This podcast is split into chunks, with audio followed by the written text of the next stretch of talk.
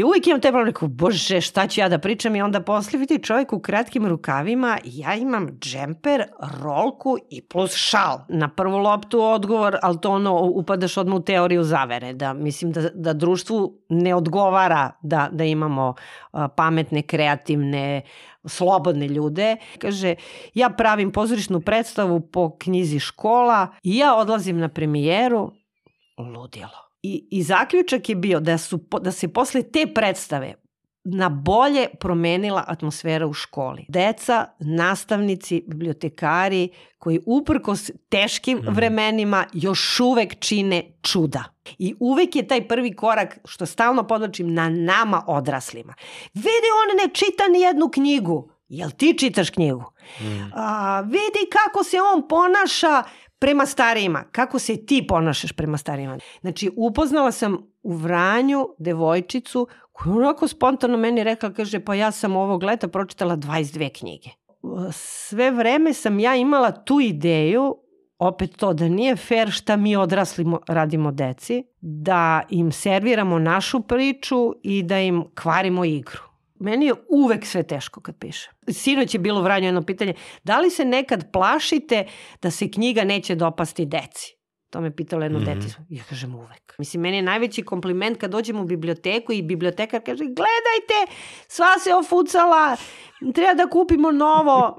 Ili ono, pokaže mi spisak dece koja čekaju na red da se vrati. Nemam vremena. To. Život je brz. Mislim, nekako, ali to se oseti kad se duše prepoznaju. To je samo, uf, pa ja mislim da, da valjda nam je to svrha. Mislim, da, da se povezujemo, da komuniciramo i da vidimo jedni kod drugih dobro. Da, I da onda ta dobra dela, jednostavno, pošto je svuda mrak i ti ljudi onda svetle. To mm. oni su kao sveće, kao neke lampe, kao svetionici. I mi ih prepoznamo, osetimo. Bob sad ne da štuca, nego samo skače, koliko ga pomene. Još podcast 1. Pozdrav svima, dobrodošli u još podcast 1. Moje ime je Ivan Ćosić.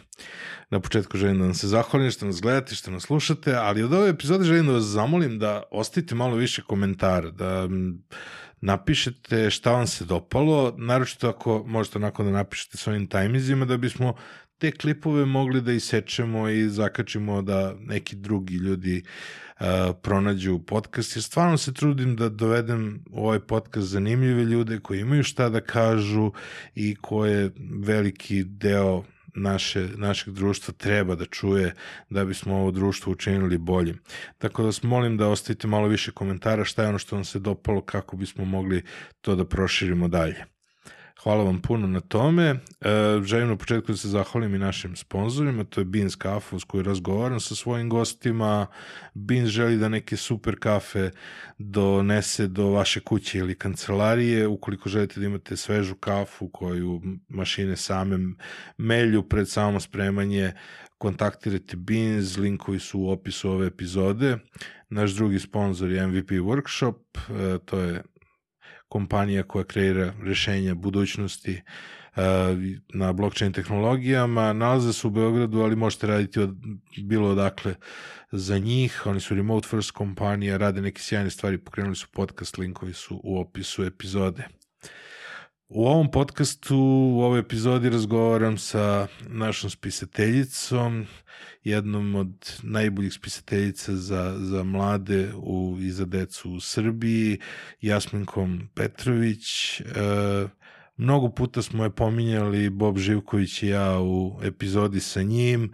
E, u druženju koje je usledilo sa Bobom posle te epizode mi je mnogo, mnogo puta pominjao nju, trudio, trudio sam se da je, do, da je dovedem, da prvo da je upoznam, da porazgovaramo, da popričamo o nekim sjajnim stvarima, e, gostovale i u podcastu Agilost, možda ste gledali i evo konačno ovaj, je došla i kod mene i ja sam stvarno uživao u sledećih dva sata, verujem da ćete uživati i vi.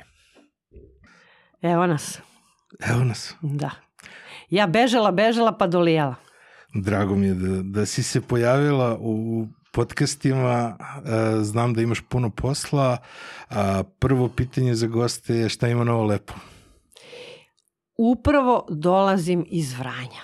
Znači, juče ujutru uh, smo vlada, moj suprug i ja, on mi je velika podrška, kolima smo otišli, krenuli iz Beograda u 6, pa sam imala jednu radionicu od 10 mm -hmm. do 11 i uveče je bio jedan, uh, uh, jedno divno književno veče od 7 do pola 9 i onda smo rano jutro skrenuli da bi uh, stigli ovde kod tebe. Um, to je to. Znači, um, Ja sam gled, u pripremi gledao Vladin profil, vidim rođendan mu je bio juče, rekao možda slavite nešto. Nije, bio je vlada, ovaj, moja podrška juče, jel mi je rekao, pošto je tamo bilo dosta divnog sveta iz organizacije, susreti, on rekao, nemoj nikom da kažeš da mi je rođendan, molim te. Tako da smo sakrili rođendan, ali evo ti si, na, ti si sad to provalio. Ali je, šta je lepo? Znači, lepo je što uh, sam imala divna ta dva susreta sa decom. Prvi je bio, su deca od prvog do četvrtog, a ovog uveče su bili i deca između petog i osmog sa roditeljima, nastavnicima.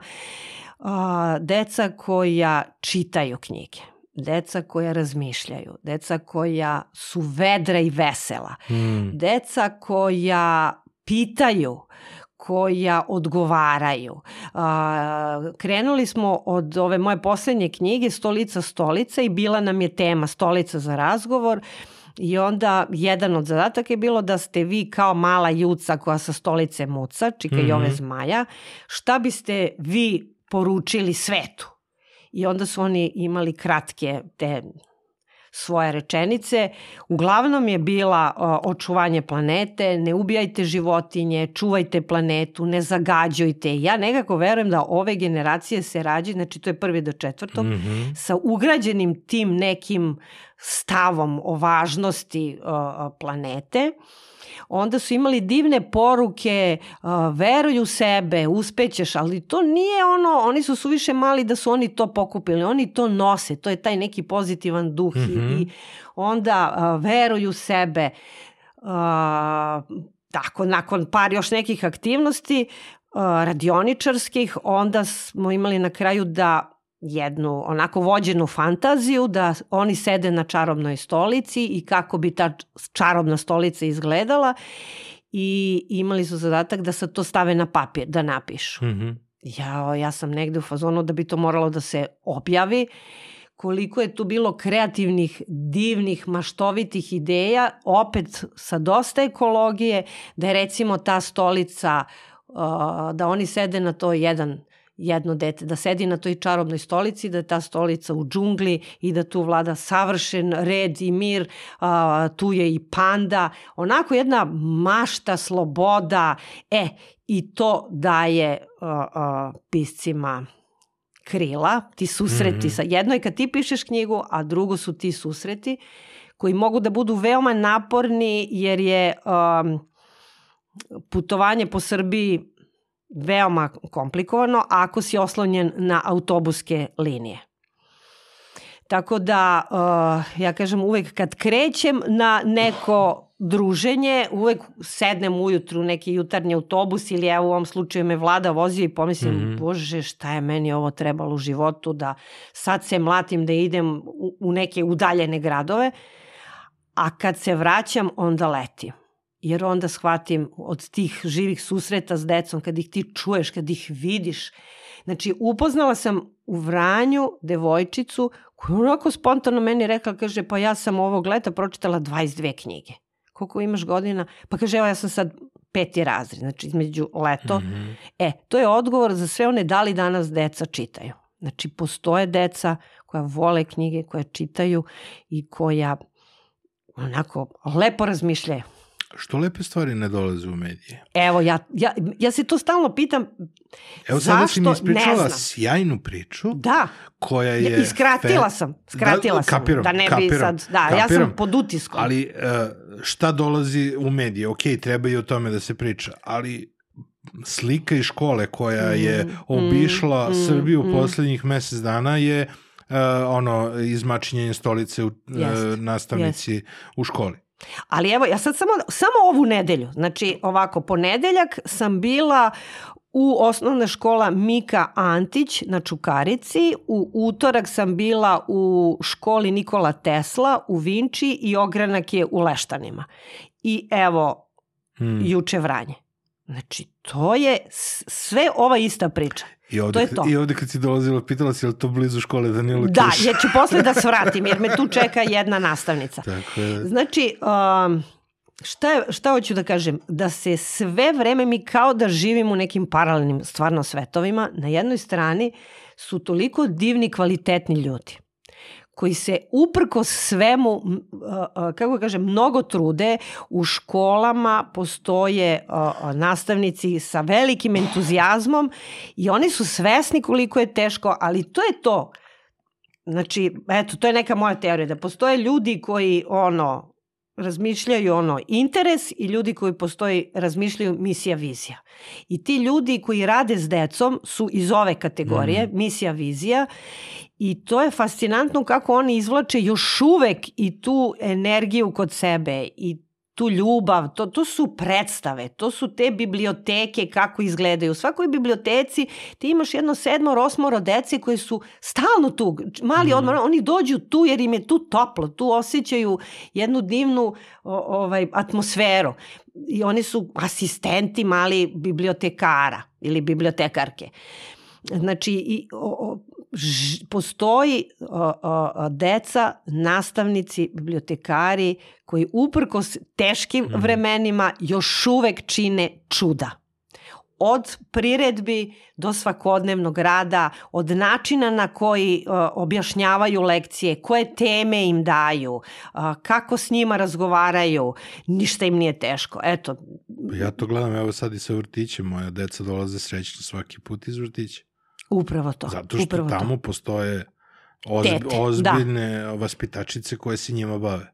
Upravo to, upravo Stalno to. E sad, zašto priča. se, zašto se to ne vidi? E sad, ne znam, to je ono kao odgovor na prvu loptu, to kao dobra vest nije vest, to kao nije zanimljivo, valjda nema dovoljno klikova, evo ne znam. Ja mislim da to je pogrešno po meni. Svak, svaki dnevnik ili vesti bi trebale da krenu sa dobra vest iz sveta dečijeg. Mm. Ja, ja mislim da bi se tako promenila energija u državi. To je moje mišljenje. Jako je veliki problem. Mislim, evo ja sad, i, čak i globalno gledam sad, uh, z, ceo kontekst mog razmišljanja trenutno je zašto je stvarnost dosadna. Obično, ono, zašto je dosadna za, za nešto, zašto smo navikli, da li smo previše stimulisani i šta je uopšte priča oko svega toga. Gledao sam recimo uh, s, film na Netflixu skoro koji je uh, po istinitom događaju o uh, tipu koji je ono, medicinski brat koji ubio mm -hmm. pacijente. Mm -hmm. I, ove, I onda sam čitao posle toga komentare gde par nekih komentara kao loše urađena dramaturgija, kao dosadno je malo, ima nekih... Mm -hmm, primedbe. I onda, mm -hmm. I onda shvatiš da jako mnogo tih nekih stvari mm -hmm. koje su bazirane na realnom životu su, mm -hmm. ovaj, su zapravo dosadne. Da je obična da, stvarnost, jako teško je napraviti na nivou imaginacija, a mm, imaginacija je mm, tvoja oblast, zato mm, hoću taj, taj neki jako mi je interesantan razgovor sa tom, tom domenu stvarnosti i uh, imaginacije kada stvarnost mm -hmm. je samo inspiracija za, za nešto i onda kao zašto nam je stvarnost toliko dosadna sa Bobom kada sam pričao do njega mm -hmm. ćemo doći malo kasnije on mi je rekao kao a, a, ako tamo treba da dođe 50 ljudi a došlo je 100 ja ti neću reći došlo je 100 ljudi mm -hmm. u prostor koji treba 50 nego ću ti reći da je došlo milion Da, to je Bob. Bob, ja, to je Bob, to znam ja, Boba, da, ja da, da, da, da. Ovaj, tako da, mi je jako, jako mi je taj deo uh, interesantan i ima onih starih medijskih priča, novina na komade ne interesuje nijednu ženu, žena na komade interesuje svaku e, novinu. Da, da. Ima puno tih sad, da, psa da, da, pas, ostalo, da, da, da, da, da, jest. Zašto je stvarno dosadno? Meni nije. Evo, to ne umem da ti to odgovorim. Meni je kratak dan. Uh, evo, ja ću sad morati malo da stišam ova gostovanja po školama, jer moram i da napišem sledeću knjigu. I ovaj, negde ja, ja se i zalažem za dosadu, jer recimo danas ja sam primetila da roditelji upadaju u paniku kad dete kaže meni je dosadno, kao, oh, kao dosadno mu je i onda, mm. -hmm. onda ih za, još dodatno zatrpava novim sadržajima ili su to da vode muzičko, ne znam, plivanje, stalno mora nešto. Mm. -hmm. I, ovaj, I onda kad sedne dete i kaže meni je dosadno, ljud, roditelji se uznemire, to shvate kao neku kritiku na svoj račun. Ali ja se sećam, znači, svojih odrastanja, to, je, to su bili ono, baš dosada je trajala, jer ti u stvari iz dosade izvlačiš kako ćeš da se zabaviš. Mhm. Jedna od priča u Stolica stolica je o jednom dečaku, indijancu, koji je ovaj ne zna šta je stolica, verovatno mi nikad nije trebala i ta priča se zove Život bez stolice. I Mhm. onda on sad tako ja njega opisujem, onda ja to deci pročitam i kažem u čemu je razlika između vas koji živite evo sad savremenog deteta i njega koji je nekad živeo i onda oni to vrlo dobro kaže pa on kaže kad, kad hoće da se igra on sebi napravi igračku a mi čekamo da nam mama i tata kupe Mhm. Znači, oni vrlo dobro sve vide. Deci je jasno. Ja mislim i da je uvek prvi korak na odraslima. I da nekad samo treba nekako to da se nađe ta sredina, ali da naravno da je dobro da imaju oni i obrazovanje i te vanškolske aktivnosti, ali da imaju i period da im je dosadno. Ja mislim da je važno i nama da bude dosadno. Jer smo mi toliko sad sve ono kao, samo gledaš ovaj mobilni, koliko je vreme, ko je datum, šta sam uradio, šta tek treba da uradim i stalno smo... Ne... Znači, da ono, staneš, stop. Da izađemo iz matriksa. Mnogo smo se o, svi zavrteli i ja mislim da je dosta dalekovito. I da nekako treba da nam bude dosadno. Igor Rakić je bio ovde gost, on vodi školu intelektualnih veština i onda je rekao da je za uzrast moje dece trenutno važno da im određeni period dana bude dosadan. Evo. Znači, posle Da. igre da moraju da pospreme, da moraju da rade neke stvari koje su po defaultu dosadne, da bi onda imali veću stimulaciju Upravo i to. da, da budu više zainteresovani za igru. I, Upravo to, da, el oni iz dosade, aha, ja se sećam toga, šta ćemo da radimo, pa ne znam, ajde kao sestra i ja Zorica, s kojim sam ja odrasla, ona mi je sestra od tetke, ali smo mi Mhm. živeli u zajednici, i onda kao šta ćemo da radimo, kao, e, ajde da se igramo kao da napravimo prodavnicu. I, e, a najzanimljivije e, broj tik-taka je bio u stvari kada je bila tema putovanje i urednica Smiljka Blažen, gde je naravno bio i Bob Živković, Ana Vehauc i tako mnogi e, naši prijatelji i saradnici. I ona nam je dala kao domaći, sad ajde redakcijski sastanak i svi nas, ne znam, 15 svi smo pisali o pripremi putovanja. Mhm. Ne putovanje, ma da je tema putovanje. Jer nama u stvari je to bilo zanimljivo, svi smo se sećali iz detinstva to nešto, te pripreme. Znači ono priprema za igru. Pa ti sve pripremiš da, da, da, da se igraš prodavnice, pa izlog, pa šta će, pa, pa se onda i umoriš. A nekako, evo, to se sećam da je svima nama bila priprema za putovanje i da smo svi u tome uživali. Znači, a sad se ne, više cilja na taj, ono, proizvod, krajnje rešenje, a nekad je igra u tom procesu.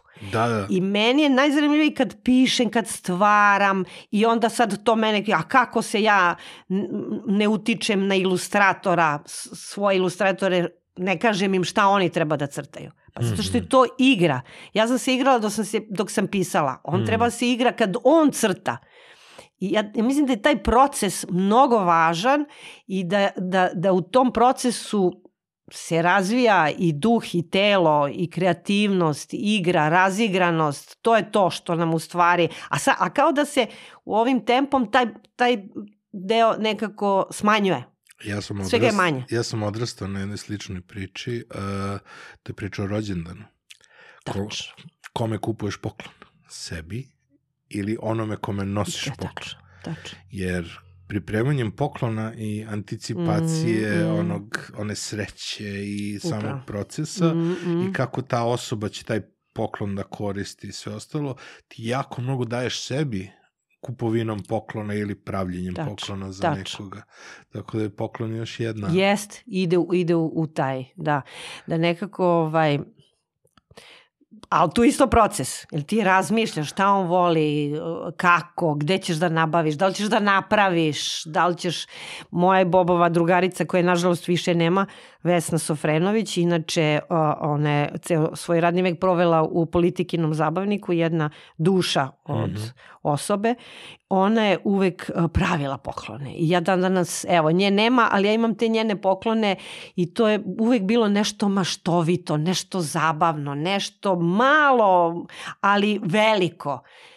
Evo, i to je, mislim, vratiti to, da deca prave svoje igračke, da prave poklone prijateljima, ja mislim da, da se tako raste. Ali treba ih inspirisati. Jer Naravno. Moj sin je došao ovde pre ovaj, juče da pitao me da li imam heftalicu, jer on i sestra prave neku knjigicu. To to. I ovaj, ja sam rekao, nemam, imam spajalicu. Kao, mm. dobro, to nije ono zašto sam došao, ali je uzu spajalicu i otišao tras, tras, tras, pola sata kasnije dolazi kao, daj mi još, rekao, zašto? Kao, hoću pravim uh, ove sestri narukvicu. Jer je on skapirao da može da bravo, veže spajalice e, to je kreativno, to je to, to je to. Jer Eto, sad to kao, je to. nisam da. našao da. ono što sam hteo da ali, pravim, ali, ali mogu da napravim nešto ra, drugo. Razmišljao, razmišljao i dosetio se. Da, da. I ovo mi je, ovo mi je divna priča. Eto, to, to, je, to su deca. To da, su deca. To je ono, to su nemaš, deca. nemaš keftalicu. Kao... Ali čekaj, ne, još bolje. To je... Ispalo je da je bolje što da. nemaš keftalicu. Da, jer našao Ali je, ne, divna naš, priča, da. našao nešto, nešto novo. I još poklon novo. sestri. To mi je, cela, ceo krug pa je da, veličanstvo. Da, on stavno pravi nešto jedan za drug. A, jel često štucaš?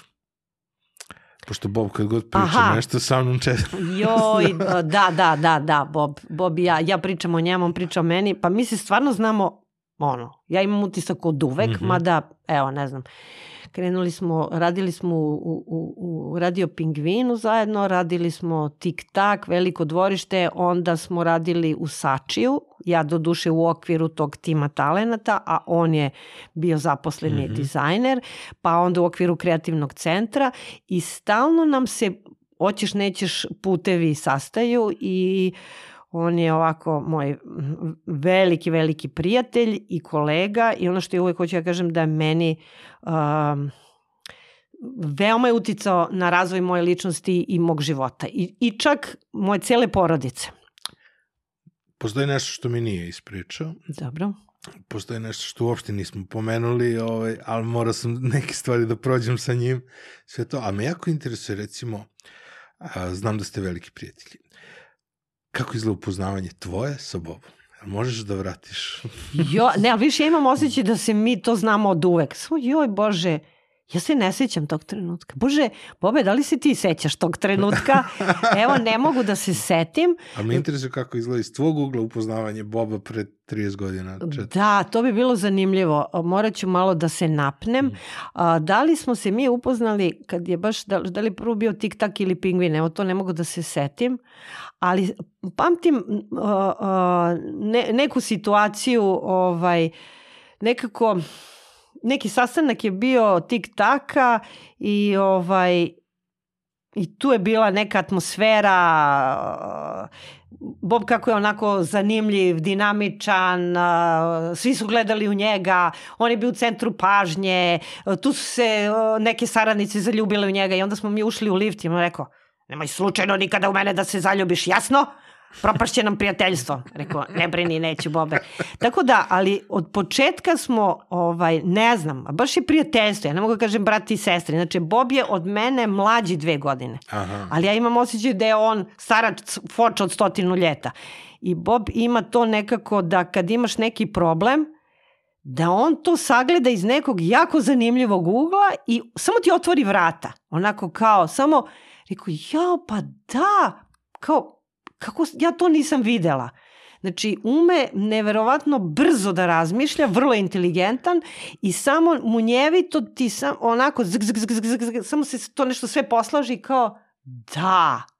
I onda otvorim i priču, nekad vidim da sam ja pogrešila, nekad mi da do znanja da sam ja upravo, ali ume da me smiri. To je onaj Bob prijatelj. Mm, da, kreativci imaju taj, taj model da mogu da reše problem. Ono, Vrlo brzo, van, da. U, van u, u, I ja mislim da je kod njega, znači, Bob ilustrator. Naravno da jeste, ali je Bob veliki kreativac i, i, i neko ko razmišlja i ima neku, neku genijalnost. Ima trenutak kad možda bude vrlo komplikovan mm -hmm. i težak, kad mu nešto se ne uklopiš, neka osoba ili ne, nešto.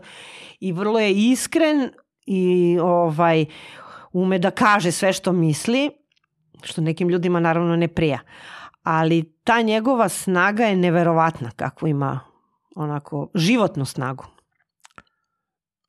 Jaca i Bob Sex za vikend, to mi je rekao da je to jo, bio... to je bilo, to je bilo ludilo, da, kad smo to radili. Naša, Seks stvari, za početnike da, je knjiga koja je najduže Jel ta, još uvijek? nastajala, nastajala. uvek. Pa ja mislim da jeste i najteža. Aha, Znači, ovaj, mi smo u stvari krenuli u tik, da, u tik taku, ma, malo ću samo da vratim film, pa ako se zanesem ti me vrati. Mhm. Nema veze. Ali kako smo krenuli? Znači, on je uveliko u tik taku radio uh, strip na kraju tik taka, uh, Jajsi. Mhm. A onda se naša urednica i drugarica Smiljka Blažen dosetila da kao uh, Jajzi otvara broj i zatvara. I onda sam Mhm. ja na, na druga strana, jer je to bilo u stvari kada otvoriš ona druga, Mhm. unutrašnja strana korice, tu je bio Jajzi.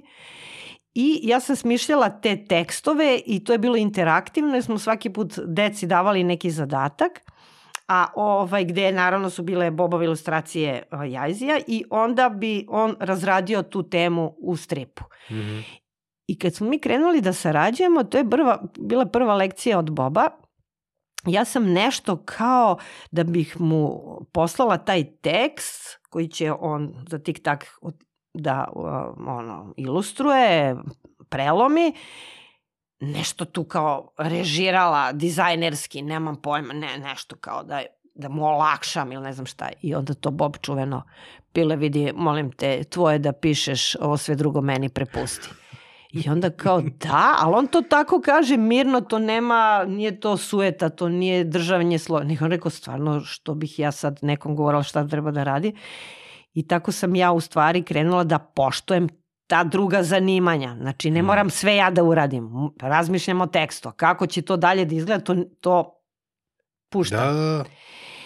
E, znači to je naša saradnja, taj Jajzi, a onda smo u kreativnom centru, prva naša zajedni... Da, ne, pre toga je knjiga Giga pravi more, koja je objavljena ovako kao sam izdat.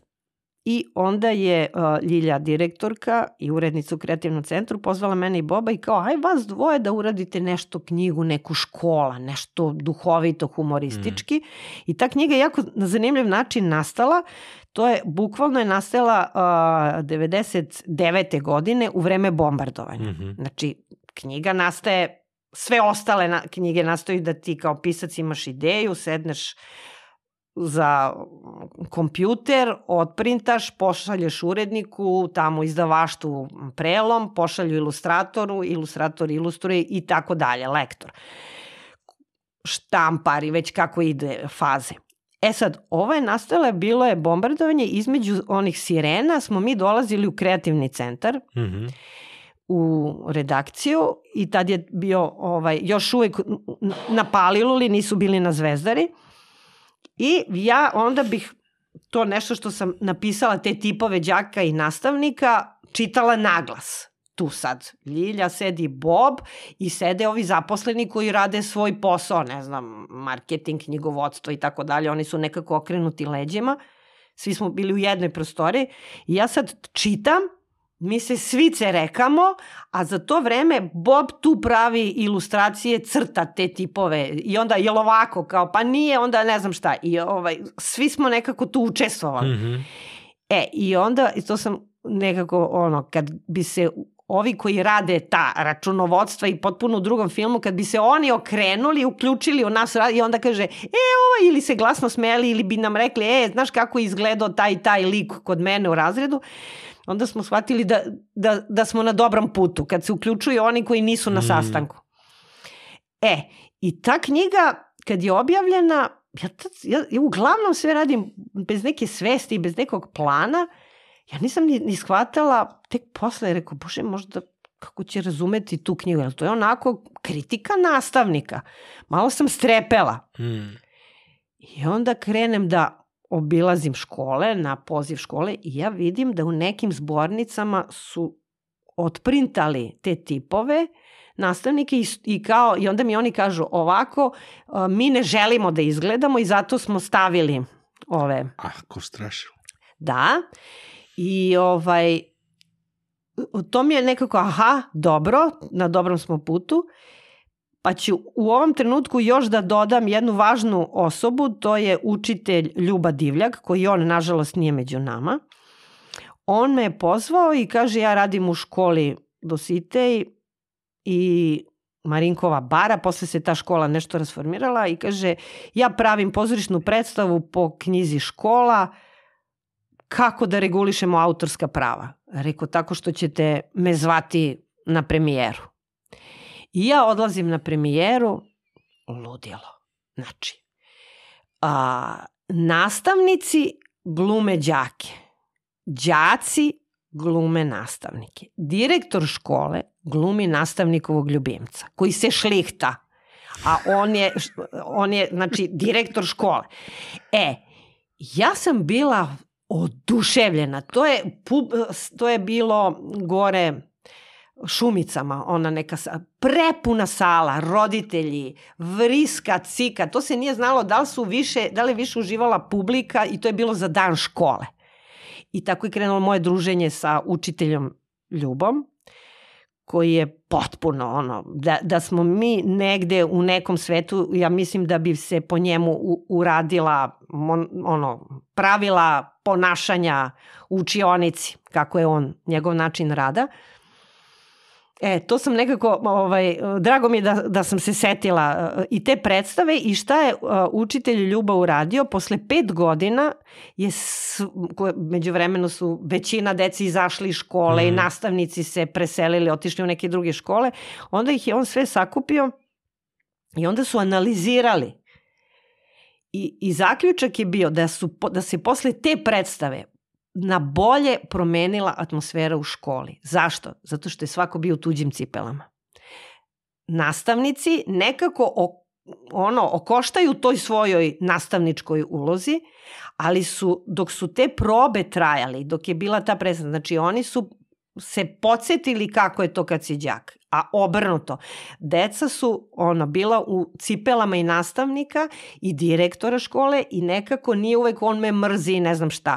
Oni su tvrdili da se atmosfera u školi potpuno promenila nakon te predstave. Evo, to mi je divna priča. Još da dodam za Ljubu, znači ti kad odiš kod njega u učionici, mm -hmm. u dnu učionice ima ono, sad to ima u Ikei, da se ona, ona je metalna samo konstrukcija, ali to je bilo kad pre koliko godina, on ima tu, sa gomilom kostima gde kad oni određene stvari uče, rade, da li se on maskirao, da li su deca, znači on je imao uh, on neverovatne metode rada s decom, imao je, e, da li se zvao Eustahije, jedan lutak, mm -hmm.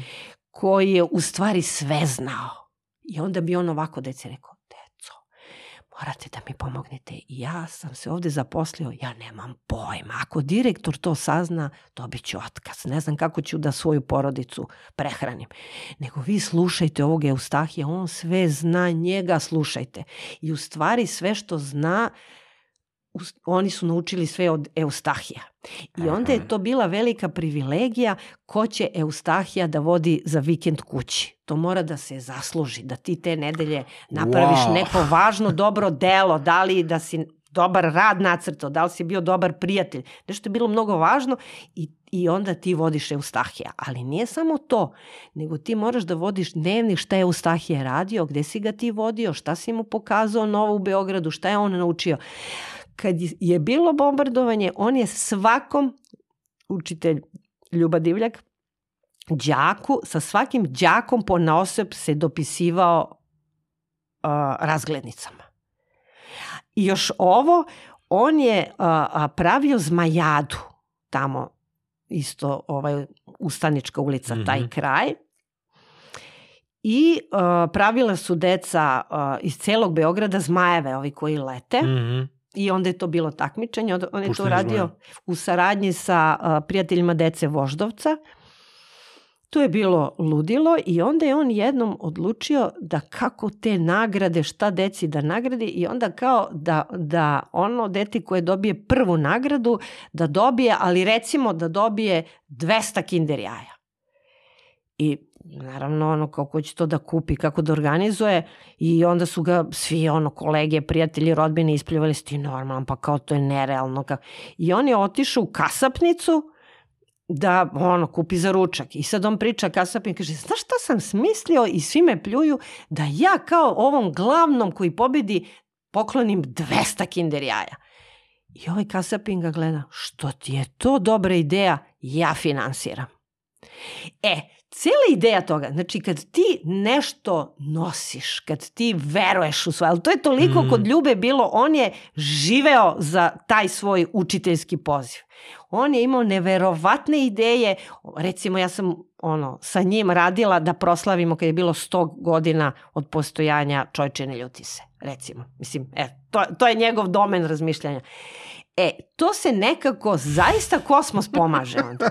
I onda se to nekim najčudnijim stvarima ostvaruje i to, ta, ta čarolija postane stvarnost. I onda ti nije dosadno. Onda je to, ti stalno treperiš, ti si stalno uzbuđen od tog nekog iščekivanja, od kako će to da se sklopi.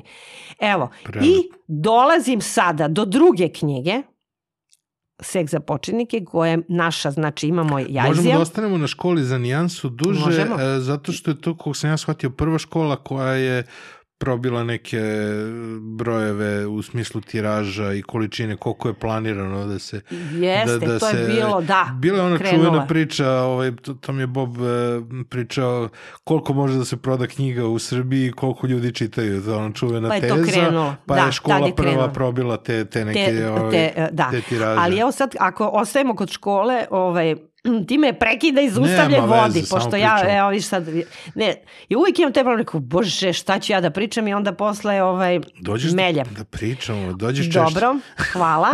E sad, ali za školu, šta je isto bilo zanimljivo? Znači, Bob je u školi, knjizi škola, nacrtao, pošto je tamo bio jedan od tipa nastavnika, diktator. Mm -hmm. I Bob ga je nacrtao tako da liči na Hitlera. Imao je te Hitler, one mm -hmm brkove i knjiga je krenula da ono bude zanimljiva i stranom tržištu i počeli su da, da ono, otkupljuju strani izdavači da se prevodi na razne jezike, dok nije došla do Nemaca.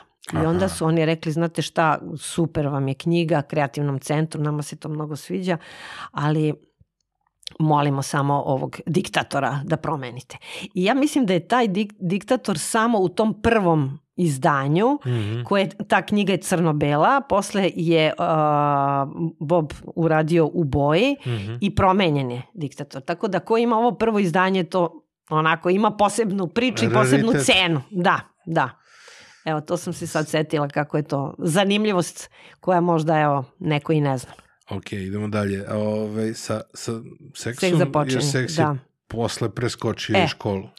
Da, to je Ali bilo ludilo. Mnogo proces. je to sve dugo trajalo i ovaj, to je Ljilja u jednom trenutku rekla, kaže, pa aj, kaže ti, tako je to krenulo, zvala nam se sasna i kaže, pa ti Bob ste dovoljno smotani, vi bi baš mogli da napišete neku knjigu kao seks za.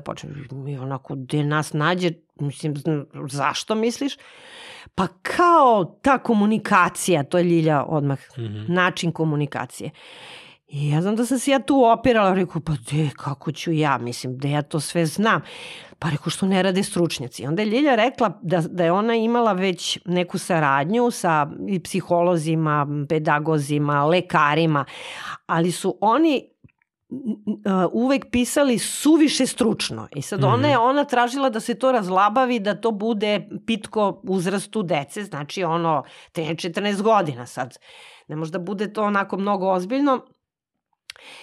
Međutim, njima je to bilo teško da se, da se kako da kažem, prebace na taj deči način, tinejdžerski mm -hmm. u stvari način razmišljanja. I mi smo kao bili u fazonu, pa ajde da probamo. I onda ja sam to stvarno doživjela kao veliki izazov, kao, mislim, bilo mi je odmah teško, ali rekao, ajde da vidim da li ja to mogu. Znači, to je bilo devet verzija. Uh, ja, svaka reč se merila. Imali smo dva stručnjaka dve psihološkinje. Uh, uredništvo je pratilo. Mi smo, merila se svaka reč, da se ono, trudili smo se da što manje uopšte postoji ono svako, niko, uvek. Knjiga je objavljena 2000-te, tako da to je isto bilo ovaj davno. Ali se sećam da sam nekoliko puta onako kao, bože, to šta mi je ovo trebalo da ja odustajem, da ne mogu, da, da je preosetljivo, pre onako, od, ne, ne znaš ono, š, gde ćeš da pogrešiš, Mhm. mislim, sve minsko polje. I onda me Bob požurivao. Ajde, kao, nikako ta knjiga. Ka... E, onda kad je knjiga konačno kao tekst smo prošli, kad je onda on došao, onda je on se za, zakočio. Kako ću da crtam sad ovo, gde ću, gde, da, gde granica, šta da radimo. Veoma smo se mučili. E sad, šta je isto ovde zanimljivo? A, vrlo brzo je ta a, urađena predstava u malom pozorištu Duško Radović. Mhm. Alisa Stojanović je režirala i divna ekipa glumaca su uh, radili predstavu. I tada je stiglo, znači, uh, preporuka od ministarstva prosvete da do, školama da deca gledaju predstavu zato što je edukativna. A evo mnogo godina kasnije, znači mi dolazimo do toga da se na društvenim mrežama izvađeno iz konteksta pojavljuju neki delovi knjige i da ispod kreću oni hejtovi. Znači bez ikakvog razumevanja, bez uh, doživljaja celine. Mhm. Tako da mi je to sad zanimljivo da je možda tih 2000 tih knjiga i bolje prihvaćena nego danas. Ima uvek onih koji smatraju da je ta važna knjiga, ali uvek se pojavi i neko ko morališe, ko drži slovo. Danas bi 300% teže bilo i Ja isto to mislim. gomila stvari bi bila izvađena iz I konteksta. ja isto to mislim. Pa ja sam radio Da. za news ovu knjigu, Da. pa neko nekad skenira neku vest iz prošlosti. Upravo, kao, izvuče, e, to je to, Izvuči da. kao, evo, kao sudarila se dva, jedina dva auta u Beogradu i kao ono, gužva na Slavi. E, to je to. I slično da, kao, da, eto, da, ili... E, to je to, da, da. Ali Jer on- veliki trud i veliki rad, evo još samo jedan detalj, onda su mene krenule da zovu škole. Počeli su da me zovu, kad je knjiga objavljena, Mhm. psiholozi, školski pedagozi, čak nekad roditelji, kao da ovaj, jer su shvatili, to je toliko teško govoriti, roditelj, dete, jesete, i onda je ta knjiga bila neki most. I ja rekao, kako ću ja sad to, bilo mi je dovoljno teško da piše, sve još treba da govorim. Međutim, uvek je bio neko iz škole koji mi je onako bio podrška. E, i to se proširilo da je uh, udruženje Skaska napravilo projekat i da sam ja, znači, sa još stručnim timom, između ostalih je i Ivana Lukić, psiholog, koja je i autorka knjiga u kreativnom centru. Znači, imali smo projekat po Vojvodini, preko 60 škola smo obišli, ali naš koncept je bio sledeći. Znači, um, radili smo sa decom, nastavnicima i roditeljima na temu odrastanja i seksualnosti. Ja imam radionicu sa Odvojeno decom. E, evo ovako. Znači, uh, krećemo uvek u isto vreme, recimo, ono, vikend, ne, subota, 10 sati. I, ja sam u jednoj učionici, Ivana do mene. Mhm. Znači, ja radim sa decom, Aha. sat vremena, za to vreme Ivana radi sa nastavnicima i roditeljima. Onda se zamenimo, pa onda na kraju smo svi zajedno. Ideja je bila da deca pišu anonimno uh, pitanja u jednom trenutku, ubacuju u korpu, mi sve vreme u stvari, taj projekat se zvao Zlatni most, jer sam ja to negde našla u psihologiji termin, da je Zlatan most se pravi između uh, osoba koje, uh, uh, kako kažem, da je teška komunikacija, bilo na kojoj osnovi, da onda Mhm. moraš da, bi, da si ti onda tu neko da posreduje, da između ili dve osobe ili dve grupe, grupacije ili već ne znam narode ili šta ja znam, da, se na, da im ti pomogneš da oni uspostave. Znači mi, I, Ivan i ja smo više bili da mi njih uputimo jedne na druge.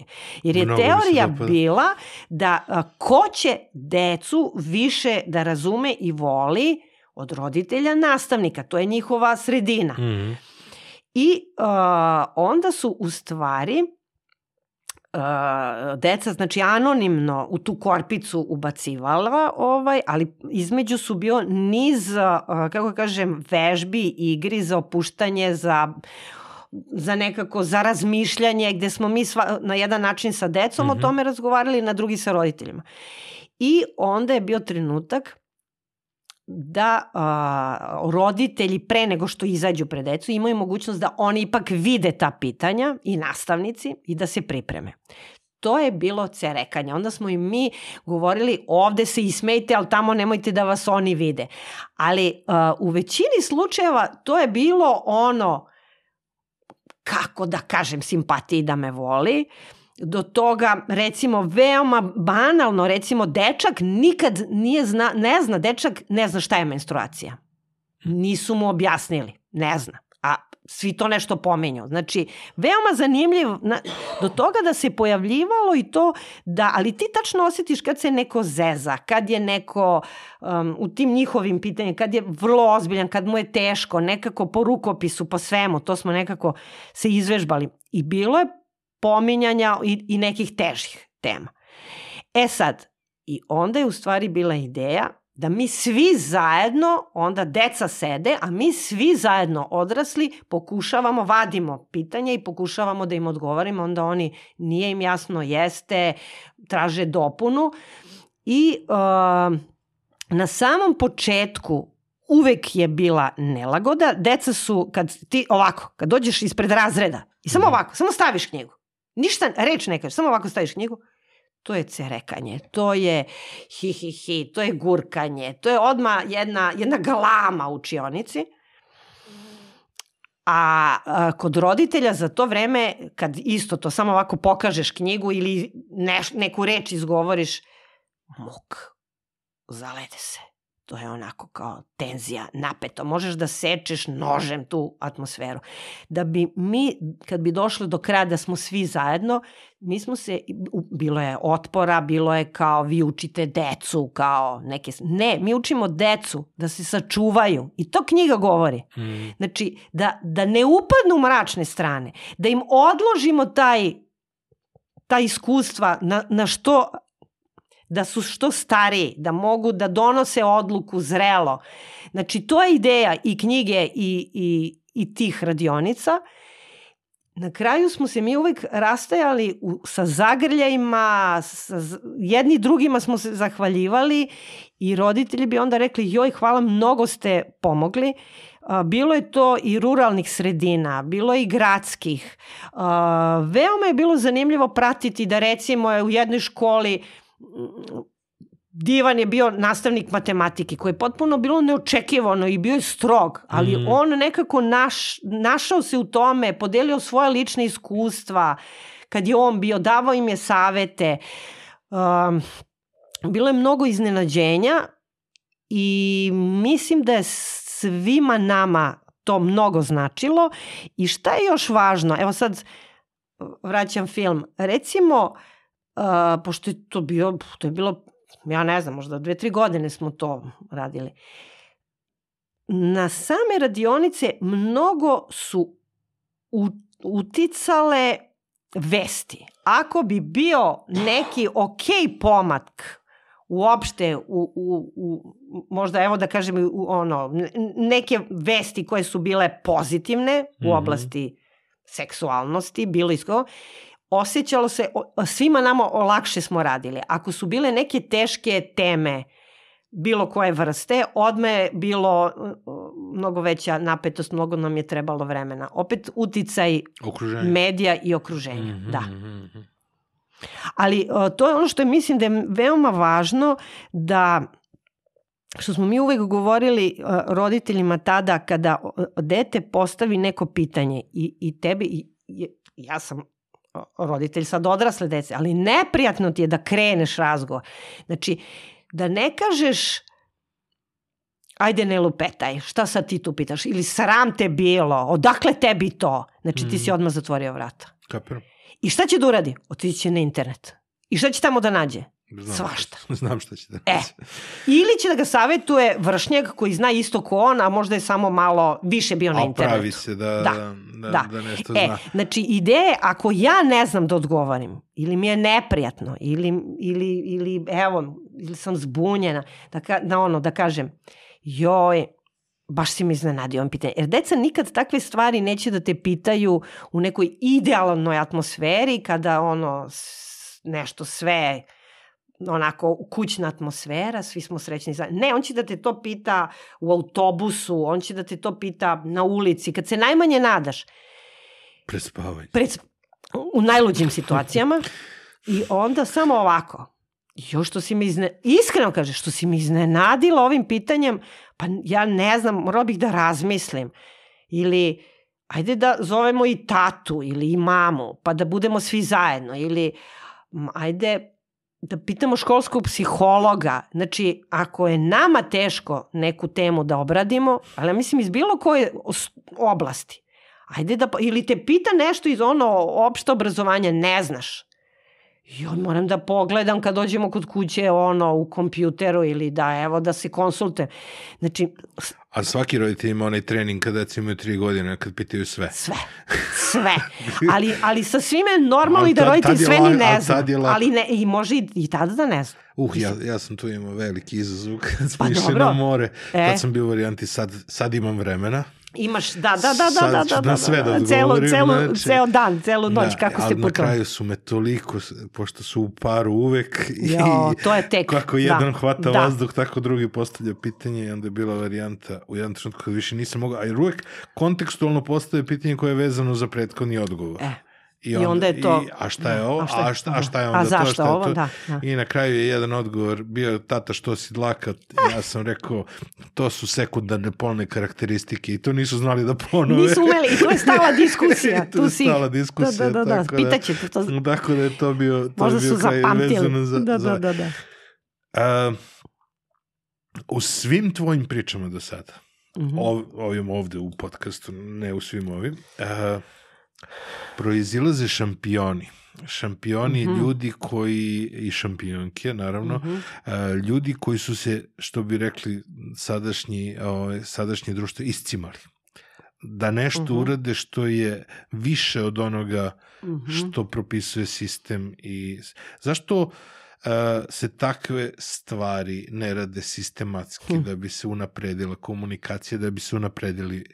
Ovaj naraštaj. I, mislim, ono, na, na prvu loptu odgovor, ali to ono, upadaš odmah u teoriju zavere, da mislim da, da društvu ne odgovara da, da imamo a, pametne, kreativne, slobodne ljude, jer to sad pod stvarno je velikim pitanjem uopšte šta se dešava s našim obrazovanjem generalno. Mislim, ja nisam iz škole, ali posećujem pa čujem šta mi pričaju i, i kako, šta se tu sve dešava, kako pada kriterijum, mm -hmm. kako je potpuni, prilično je haos u obrazovanju i uopšte i škole opstaju na pojedincima. Da, ali da je to teorija zavere, Pa onda evo, bi to mi je prvi onda odgovor bi, bio. bi tim šampionima bilo zabranjeno da rade takve Bilo neke šta, da, stvari, da, da, je da. baš onako totalno. Više mi deluje kao neki totalni ono Lerin iz Brdica. Ili je znači, to, ili je to. Ili je to da prosto se kotrljamo, pa više ono, ljudi nemaju ni snage ni živaca, dižu ruke i teško im je da, da, da, da se suprotstavljaju, da kažu ne, jer ti čim si ovde drugačiji,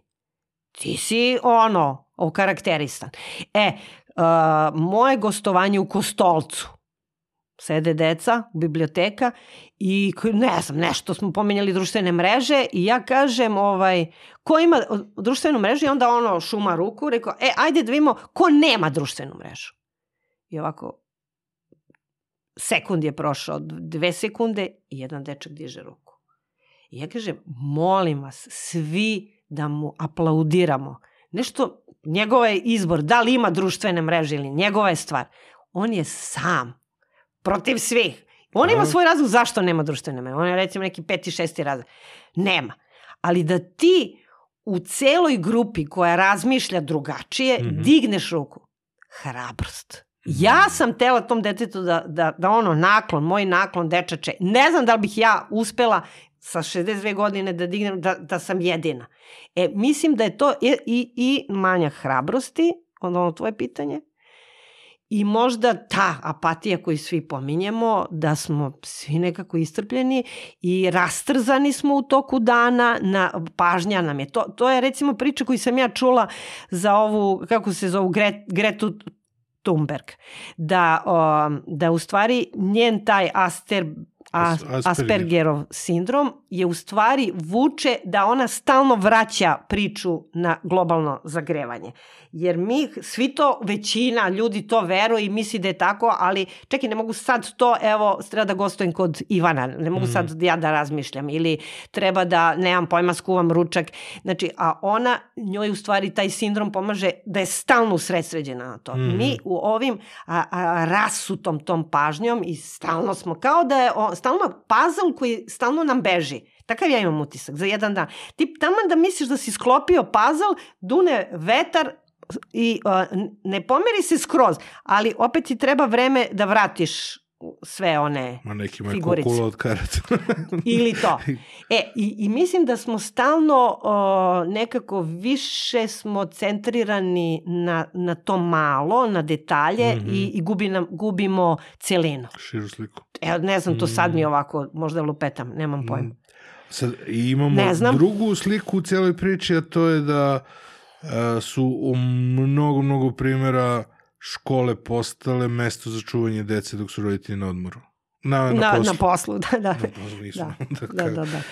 Pa evo, mislim, ja kažem, slušam te nastavnike, ne znam, ja, mislim, on, moj zaključak, teško je nastavnicima, teško je roditeljima, teško je deci. Mm. I ja nekako sad to vidim da je to stvarno nacionalni problem, društveni, civilizacijski Svima problem. Svima nam je teško. I to kad krene to dobacivanje tog krompira, me, mene to jako ne. E, oni su krive, e, ovi su krive. A treba roditelji to poroje, a treba, a, a ne mi, nego nastavnici. Tako da, opšti je haos i deca to osjećaju i trpe. I još jedan detalj. Znači, kad uđem u školu, od prvog trenutka Mm. da li mi priđe obezbeđenje tetkica domar, na koji način, kako izgledaju zidovi škole, da li ima radova likovnih, dečih, kreativnih, da li deca se mlate, da li hodaju, razgovaraju, a, da li na taj moj događaj kad ja krenem, da li učiteljice odmah izađu da se malo odmore ili sede tu i gledaju šta ja radim pa me posle pitaju pa upoređujemo kako oni kako ja. Vrhunac je ako dođe direktor ili direktorka i odsedi i to se dešava. Sve ostaje, ja kažem pa kako, znam da svi su ne, ne, u Mm. nekom, pa kaže pa meni je ovo najvažnije sad. Znači po svim tim detaljima, sve što je kolektiv, bliži, organizovaniji, složniji, tu su deca staloženija, mirnija, tako i u porodici. Eto, od vrata škole. Znači, meni je neprijatno da primere, ali ovo mi sad ovo, škola Ivo Andrić na Kanarevom brdu. To ne možeš da veroš da postoji u Beogradu. Od vra... To, jao, došli ste, evo, došla Jasminka, ali nešto ja, mislim, oni tako goste, do... Mm. idemo, idemo gore, ajde, evo, deca su tu, a, a, na, nastavnik biologije koji učestvuje, a, nastavnica ne samo srpskog, to je živo, to je, to je o, psiholog, pedagog, oni, oni se dopunjuju, oni rade zajedno. Ti kad izađeš iz te škole, znam da sam išla sa koleginicom Draganom iz kreativnog centra, mi smo ušle u kola i još sedele 20 minuta kao, je li ovo realno? Jer mi stalno imamo tu neku ružnost. Škola koja je vedra, nastavnici nasmeni. Ja, ja stalno to, to sve postoji. To sve postoji. Ali mnogo je važno, ne može ako je jedan onda on ne može sam da uradi. Onda je ismejan, onda je nadglasan, znači barem dvoje, Ali a barem troje. ne postoji ni, ne postoji ni zbornik studija slučajeva uspešnih učitelja, nastavnika, profesora.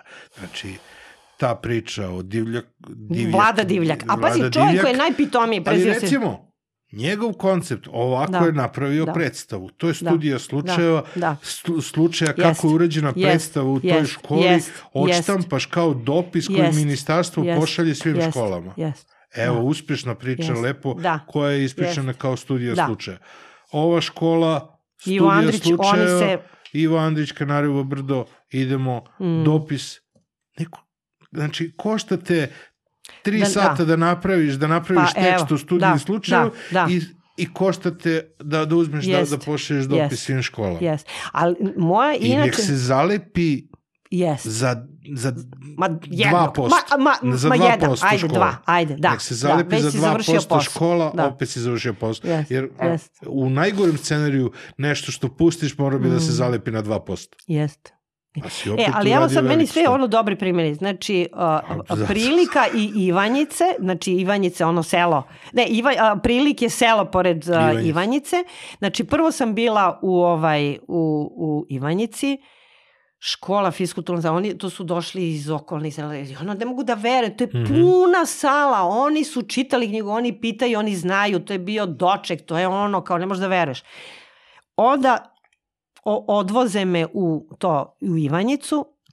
Sad je tu drugi koncept drvo u sred školskog dvorišta. Sva deca su tu ispod tog drveta, mi sad tu sedimo, jer obično mene zovu pa ja čitam delove, pa ne. Oni su organizovali tako da su oni imali pitanja Mhm. Pametna pitanja. To su ne- dečija pitanja su užasno zanimljiva i mnogo nekad i kreativnija i, i, i evo ja se izvinjam ako ću nekog da poredam, ali i od mnogih novinara. Zato što oni, njih to interesuje, oni to pitaju. To bude onako nekad i neprijatno i, i teško, ali oni su jako autentični. Znači, evo te dve škole, da ne kažem, evo sad ovo, po- postoje ti dobri primeri, znači, ovaj, širom Srbije. Mhm. Nema tu sad kao ova sredina, ona sredina, ne znam.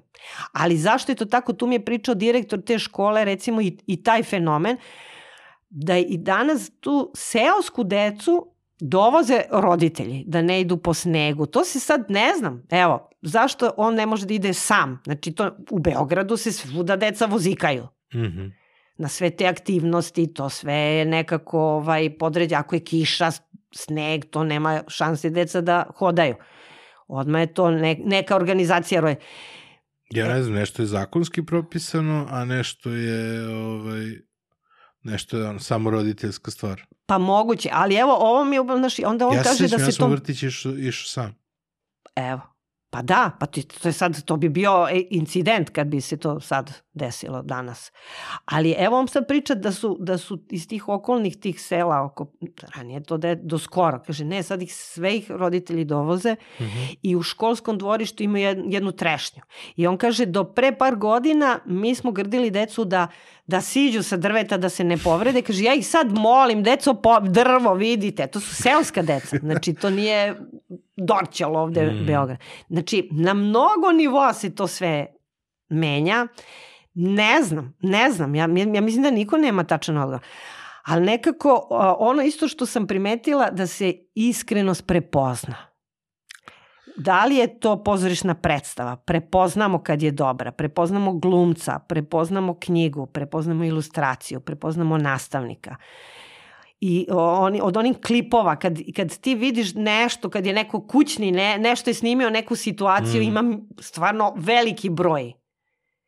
Znači, imam utisak da trenutno imamo manjak iskrenosti i da to iskijeva.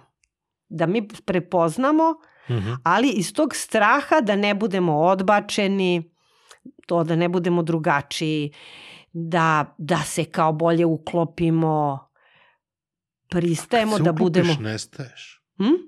Kad se uklopiš, nestaješ. Pa da.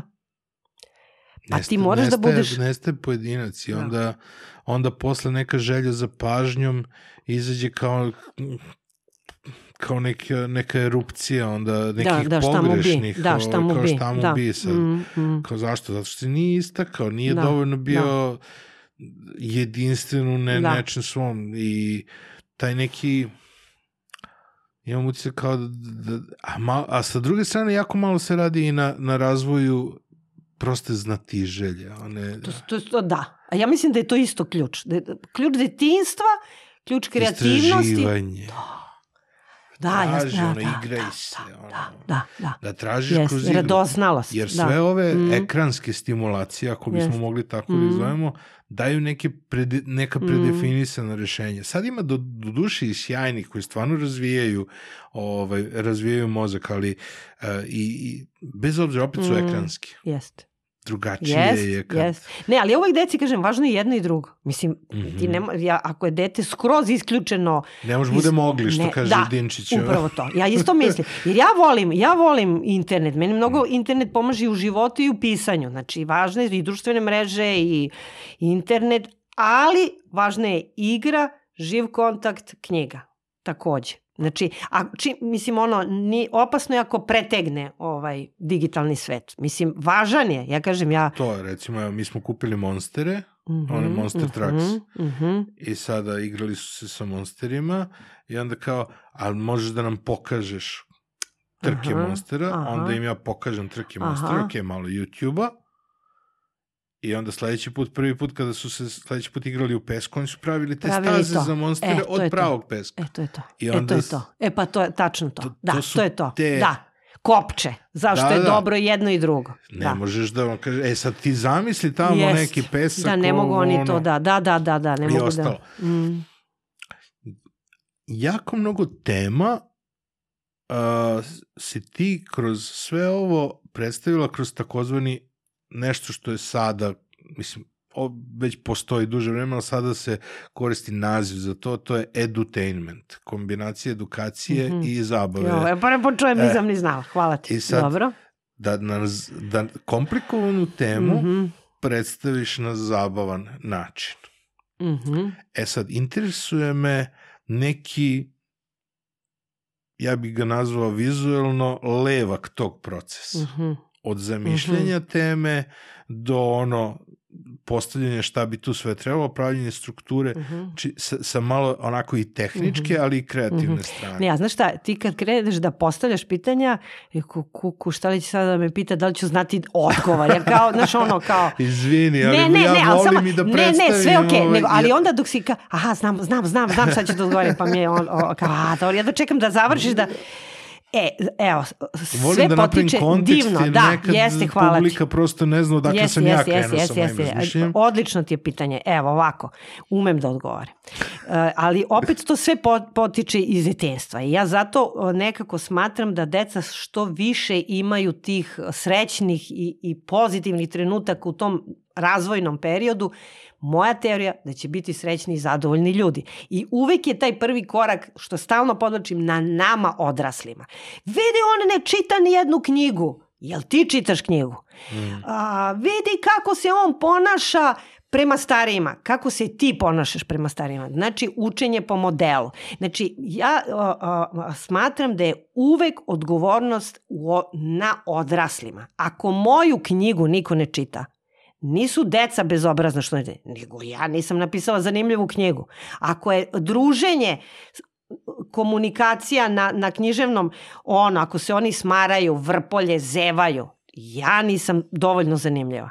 Evo, samo pre nego što ti odgovorim, znači nedavno sam bila u Tiftu i bilo je ovako, od 5 do 6 književni razgovor uh, na temu leto kada sam naučila da letim, a od 6 počinje film.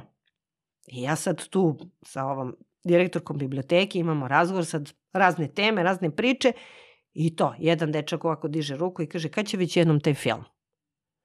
Dao nam čovjek do znanja, smorili ste, završavajte, nije više zanimljivo. E sad, to može da deluje uvredljivo, ali ti odmah od dece dobiješ informaciju. Znači, nije on bezobrazan, nego smo se mi suviše raspričali ili možda smo otišle, zanele smo se malo neke teme koje njima nisu Mm. dovoljno bliske.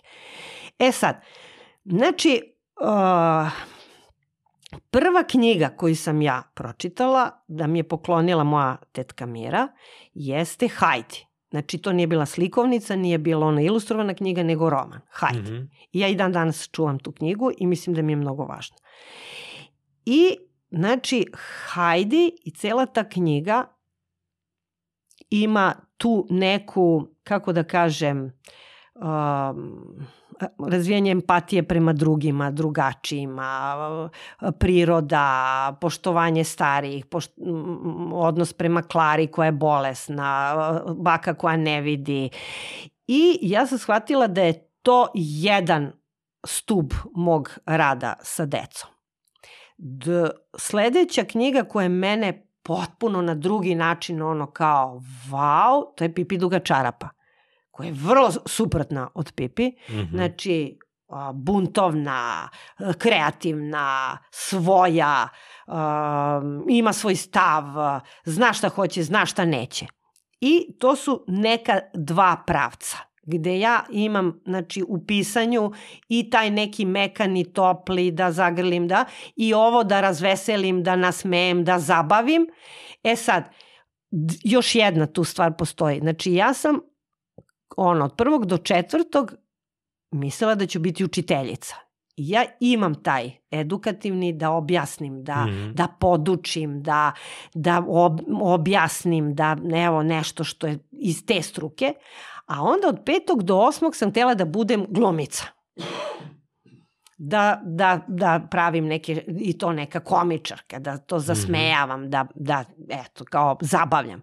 E, i kod mene se u stvari, e, to je nešto što je formiralo u najranijem detinstvu i to se kod mene u stvari prepliće na nekom nesvesnom. Ja sad kad me, pita, kad me pitaš onda ja to nekako izvučem mm -hmm. kao zaključa. Ali mislim da su to dve struje i da se to kod mene mota kao kika se ono plete, da, jer ja nekako mislim da je i jedno i drugo važno. Meni su recimo šveđani govorili što uopšte kao kod vas na Balkanu uvek sve mora to da bude i edukativno, ma nek bude ono zabava radi zabave, samo da bude ono... Ne može. Nije, e, nije okej. Okay. E, Bob ima, često me kritikuje kad sad kad tako uvatim pa neke teme, onako insistiram, ma ne, bajka, deci su bajke, sve će oni to posle da saznaju. Samo bajke, zmajevi, junaci koji lete, čarolije, to je za decu. E, ja sam nekako, imam i to, ali sam ja nekako, ako to dete uzme knjigu i da kažemo, eto, a između odvoji to vreme da čita, nek se zabavi, ali daj malo i nešto da mu pošaljem i neku poruku, mm. neku informaciju, da nešto između redova i nauči. Jer smatram da je obrazovanje mnogo važno i ta opšta kultura, da prosto imaju neke informacije šire. Evo, da je važna bajka, ali evo, malo i nešto, malo šira slika. O, o, o svetu u kome živimo. Da, da. Kad... Ne znam, sam ti odgovorila na pitanje? Yes, uh, Nisam... nije, nismo došli do onog tehničkog, Dobro. možemo da se vratimo na taj deo.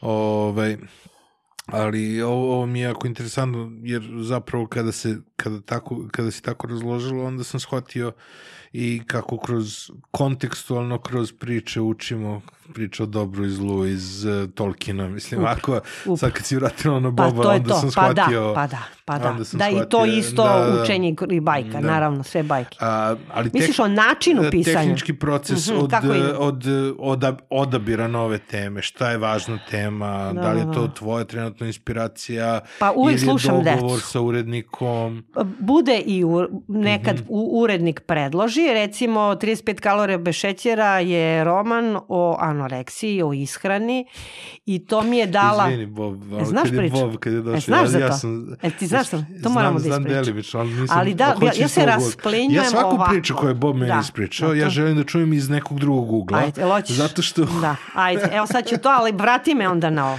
Vaš. Ili ovo prvo pa onda šalu bi Evo, ajde ovo. E, ovako, znači, a, a, Odiseja, izdavačka kuća, zvale su me urednice na sastanak i rekli da su one htele da uradi knjigu o anoreksije i na, o anoreksiji našli su neke zanimljive ovaj, prevode sa stranog tržišta i onda su u poslednjem trenutku se zaustavili i shvatili, jer to je isto priča. Nekad su prevodi super, ali nekad za neke teme deca vole lokalno, kolokvijalno. I onda kaže, možda su pre da, evo ja probam da, da uradim mm. i onda su krenuli istraživanje i tako dalje. Tako da je to konkretno, recimo, predlog uredništva mm -hmm. da, da ta knjiga nastane. a, bude da, da čujem od dece. Jer meni su one inspiracija, to kažem, kad se nešto priča, da li oni to slušaju, da li ne slušaju, da li se oni nadovezuju, koliko ih njih uvuče ta tema. Evo, Znači, ovo u Vranju, od tih sat vremena, mi smo pričali o stolicama. Oni su me vukli u ekologiju. Da, da. Mislim, oni su imali najviše priče o ekologiji. Znači, evo, i to mi je neka ideja za sledeću knjigu.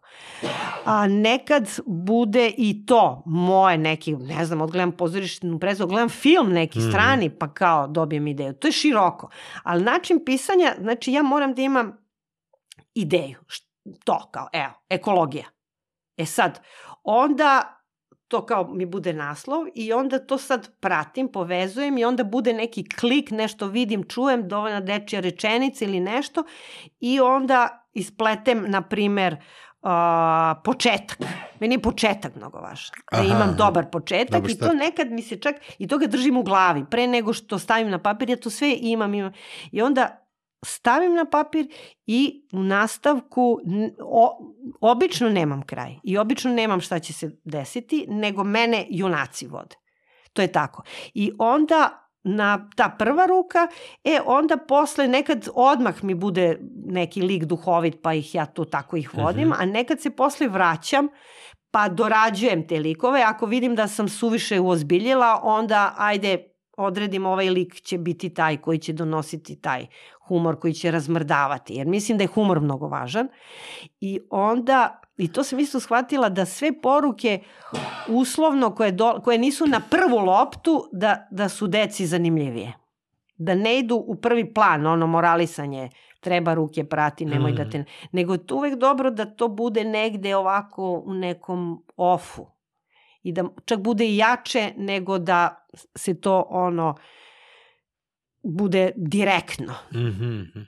tako sam primetila da oni o, o, o, da i deca vole naravno glavnog junaka, ali vole i te sporene i iz tih sporenih njih koristim da sad već da li će biti duhoviti ili će biti neki koji će ovaj pomoći za neko rešenje.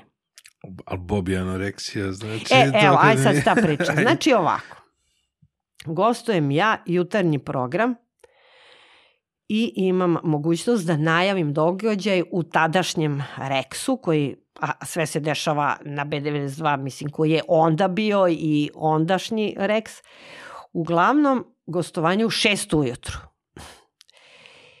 A knjiga, a, upravo 35 kalorija bez šećera, je a, imala promociju u farmaceutsko-fizioterapeutskoj školi na Zvezdari, su mene zvali i sad sedam u zbornicu kao dok oni sve to pripreme i sad tu sedi ovako ko ti neki nastavnik i ovako kaže Jasminka, vi znate da sam ja novu godinu s vama dočekao? Rekao, stvarno? Sad smo se tek upoznali. Pa kaže, ja sam čitao knjigu u toku novogodišnje noći. I ja se zapanjem. Oni su tako uradili da je ceo kolektiv, cela škola pročitali knjigu 35 kalorija bez šećera. I napravili, ne da ja njima gostujem, da im ja, ne, Mhm. ja sam bila u publici, ja sam bila gost. A škola je meni prikazivala kako su oni razumeli. Svako iz svog predmeta. Pa ne znam, nastavnice srpskog su iz svog književno. Pa je onda recimo ovi što predaju farmaciju lekovito bilje koje može da pomogne, ne znam, za pospešivanje apetita. Pa ne znam onda um, ovi fizijatri koje bi bile masaže. Znači, evo, to sam isto imala sreću da doživim. I to je toliko bilo veličanstveno, o tome se pričalo, da je došlo evo do toga da su zainteresovani bili i roditelji te dece, i porodici tih nastavnika, i izdavačka kuća, i svi smo, ono, krenula se priča, priča, da se to ponovi i da to, i gde ćemo, Rex nam otvori vrata, i ja sad dolazim da to reklamiram. Mhm. I ja ovako kažem, znači, jako loše stojim s brojevima, tako je Bob počeo tvoj kontek, ko, ovaj podcast sa tobom, da su mu brojevi teški. Ja sad ovako kažem, a, promocija će biti danas u Rexu, e sad, 17. ali ja od tog S pređem na 7. I, ne, obrnuto, bit će u 7, a ja kažem u 17. Ovo S me je zbunilo. Mhm. Mislim, kako meni mozak radi. Znači, ne kažem u 7, nego kažem u 17. I dođem kući i počnem da udaram glavu o zid, rekao, kuku, ono, sad to ne možeš da vratiš, gotovo, tad još nije bilo toliko tih društvenih mreža. I meni vlada, supruga, kaže, ma ne brini, kaže, šest sati, to sigurno niko nije ni gledao. On mene tu uteši, kao, ko će da gleda, gde će biti ujutru šest? Međutim, verovali ne, Bob je gledao, jer Bob ima to ili da ovaj da radi celu noć i onda on tek legne oko 8-9. Aha, pa je gledao na kraju. oni gledaju jutarnje. I on mene, a ja ga ne zovem na taj događaj iz prostog razloga on ne voli te gužve, susrete ljudi, to mnogo mu je komplikovano. Ma rekao, ja ga ono preskočim, ni ne pozovem ga, a on mene da iznenadi, kupi ogroman buket cveća i zakuca na vrata Reksa u pet. O, ali bukvalno otvara mu domar koji kao da izvolite i on onako proviruje Bob iz onog cveća. Kaže da, kaže ja sam došao da, pa kaže na ovu promociju. Da, koju promociju? Sad Bob ne može se seti, pa ovo anoreksiji.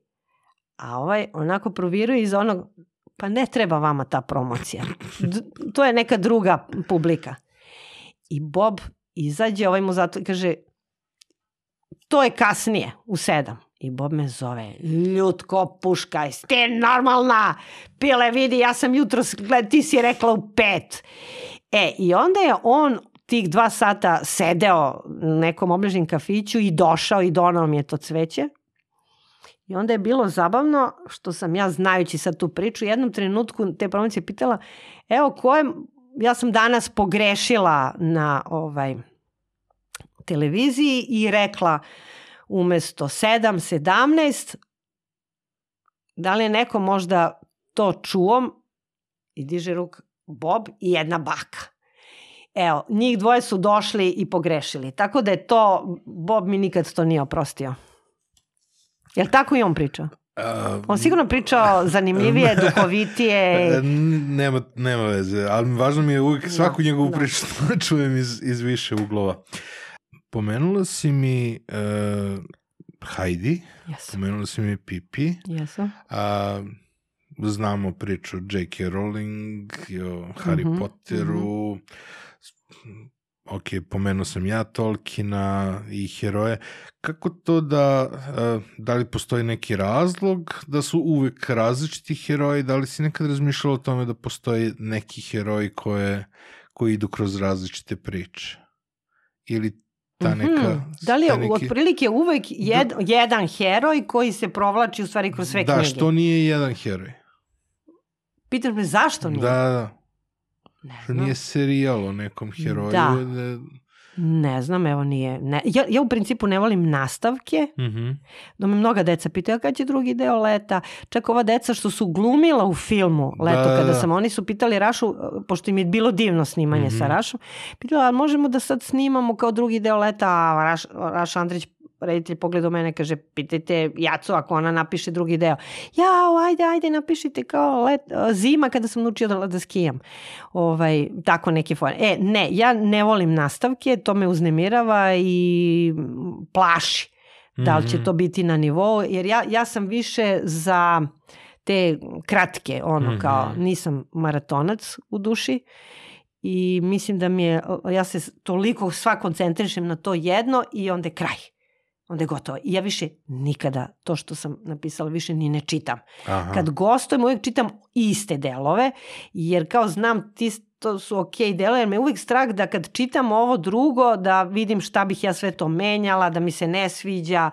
Tako da, evo, ne znam, ne, ni- nikad ne reci nikad. Za sad mi nije palo Mhm. na pamet serijal. Znam da deca vole serijale, sviđa im se i uopšte serije su I sad... Generalno, da, da, da, Serije da su jako popularne. Evo, za sad nisam osetila potrebu. Dobro, ali može da se zamisli velika priča Pa može ko da Velika bude iz priča, pa delova. da se iscepka, da, može, se zamisli da. početak Moguće. i kraj. O, Evo, sve To- moguće. sve je Nikad popularnije ne reci i nikad. onda, Da, veoma je i popularno. binđovanje i sve Jest, ostalo i onda jest. binđovanje knjiga. Um, knjiga sa kojom si počela mm, Giga pravi more, Mhm. to je pravljenje mora u Beogradu, Mhm. a onda imamo leto kada sam počela da letim, Mhm. uh, kada sam naučila da letim, uh, koja je letenje ali na moru. Mhm. I sad, obe su praktično za odrasle antiratne. Mhm. A za de, deca Da, to oni vide svoju priču. na, Da. na potpuno jednom drugom nivou. A, jedna i druga imaju taj neki lični element. Kako se, i sad, ja sam ono, sa, sa razlogom sam e, postavljao ono pitanje na početku, kako da realnost bude Mhm. zanimljiva. Mhm. I ovdje mi je interesantno da je od realnosti, od nekih životnih Mhm. priča, nastala zanimljiva priča koja je samo osnovu i inspiraciju imala tu neku iskru Početak, da. koja je. Izvini, sva, jesi čitao nastala. Jesam Ti si- super da. davno. E, ali to je interesantno, to je sad fama, jer sam ja nešto u posljednje vreme baš pominjala tu knjigu, nje uglavnom nema, jer je to Mhm. bilo nešto sam izdat. I sad me, ono, sa raznih strana pišu mi ljudi kao gde može da se nađe, iz raznih razloga. Tako da, evo, ne znam, te knjige nema, pa bojim se sad da Pa je dižemo postoji cenu. negde u...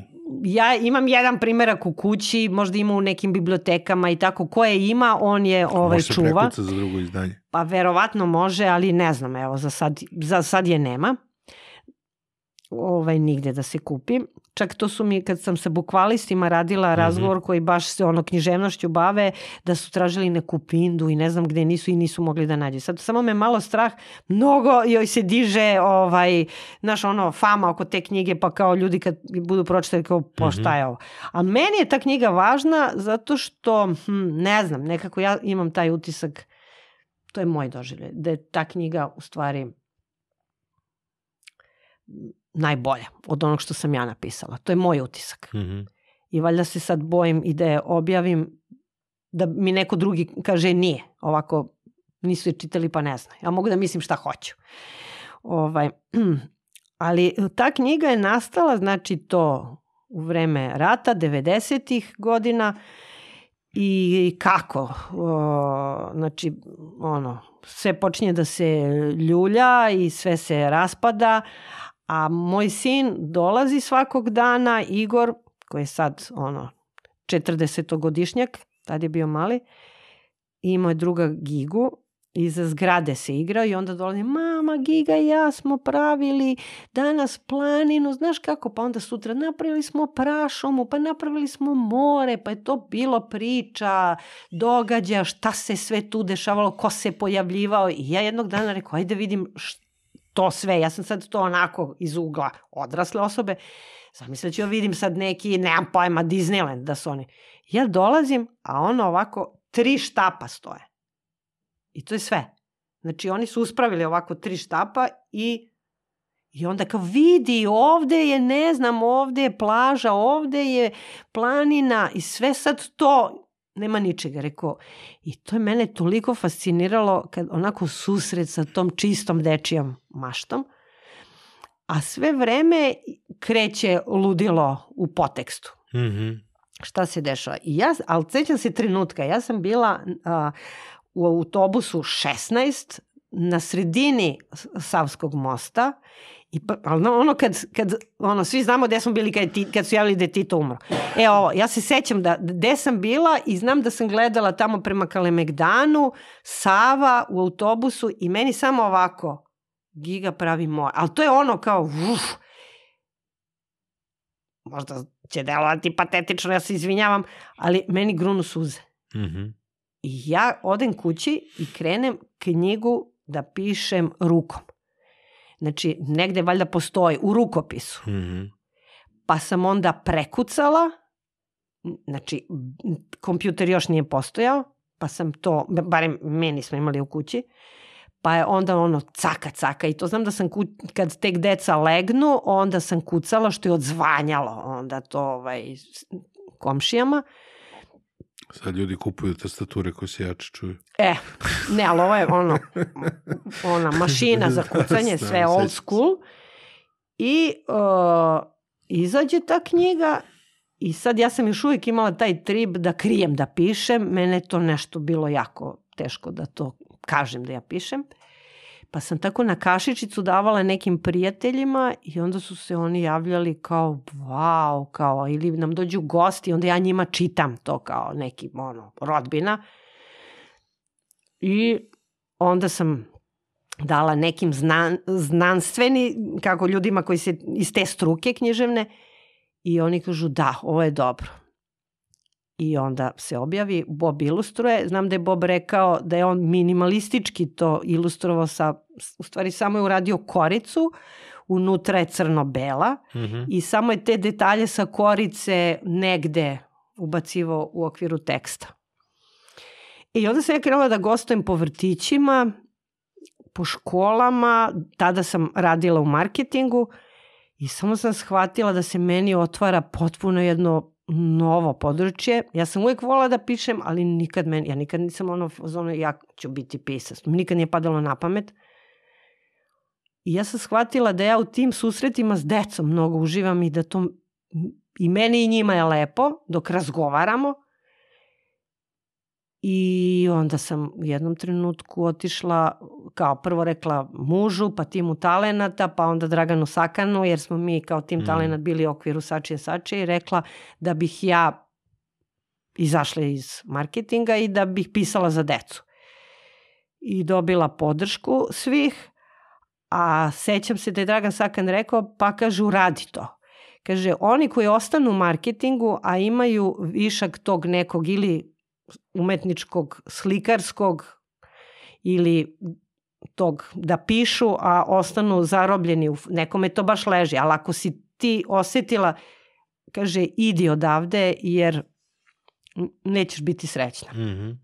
Dao mi je vetar u leđa i onda kad sam ja to objavila mojima, svi su bili šokirani, kao kakav bre deči pisac, sad kao imaš super posao, Mhm. lepa plata, kao marketing je tad bio ono u povoju, još je bilo ovaj, sve to vrlo kreativno, zabavno, manje ovako stresno kao danas. I onda je Giga meni otvorio, ne, eto, to područje u stvari pisanja i tek je onda došao tik-tak, pa je onda došli Mhm. su škola i sve dalje knjige.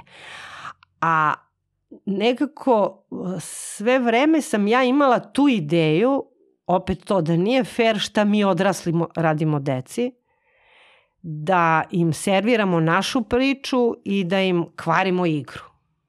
Oni bi se lepo igrali, a mi tu nešto se svađamo. I onda je u jednom trenutku, valjda mnogo godina kasnije, znači Giga je objavljen 1996. a Leto je objavljeno 2015. Mhm. Ali pre toga, znači uvek krenem par godina ranije i da razmišljam i da pišem i onda sam razmišljala šta se dešava sa današnjom decom koja nisu, hvala Bogu, doživela rat, kakve to sve ima još uvek posledice na ovu generaciju. Znači to, eto, to mi je bila negde zadatak koji sam ja sebi dala. Znači i sad knjiga ima taj jedan nivo o tom odrastanju, jedno leto Mhm. u životu jedne devojčice, a taj drugi plan je u stvari ta antiratna priča koju možda više doživljavaju i razumeju odrasli, a deca je osjećaju. Mhm. Oni to osjećaju, oni to ne umeju još uvijek da ja mislim da to ipak ide s godinama.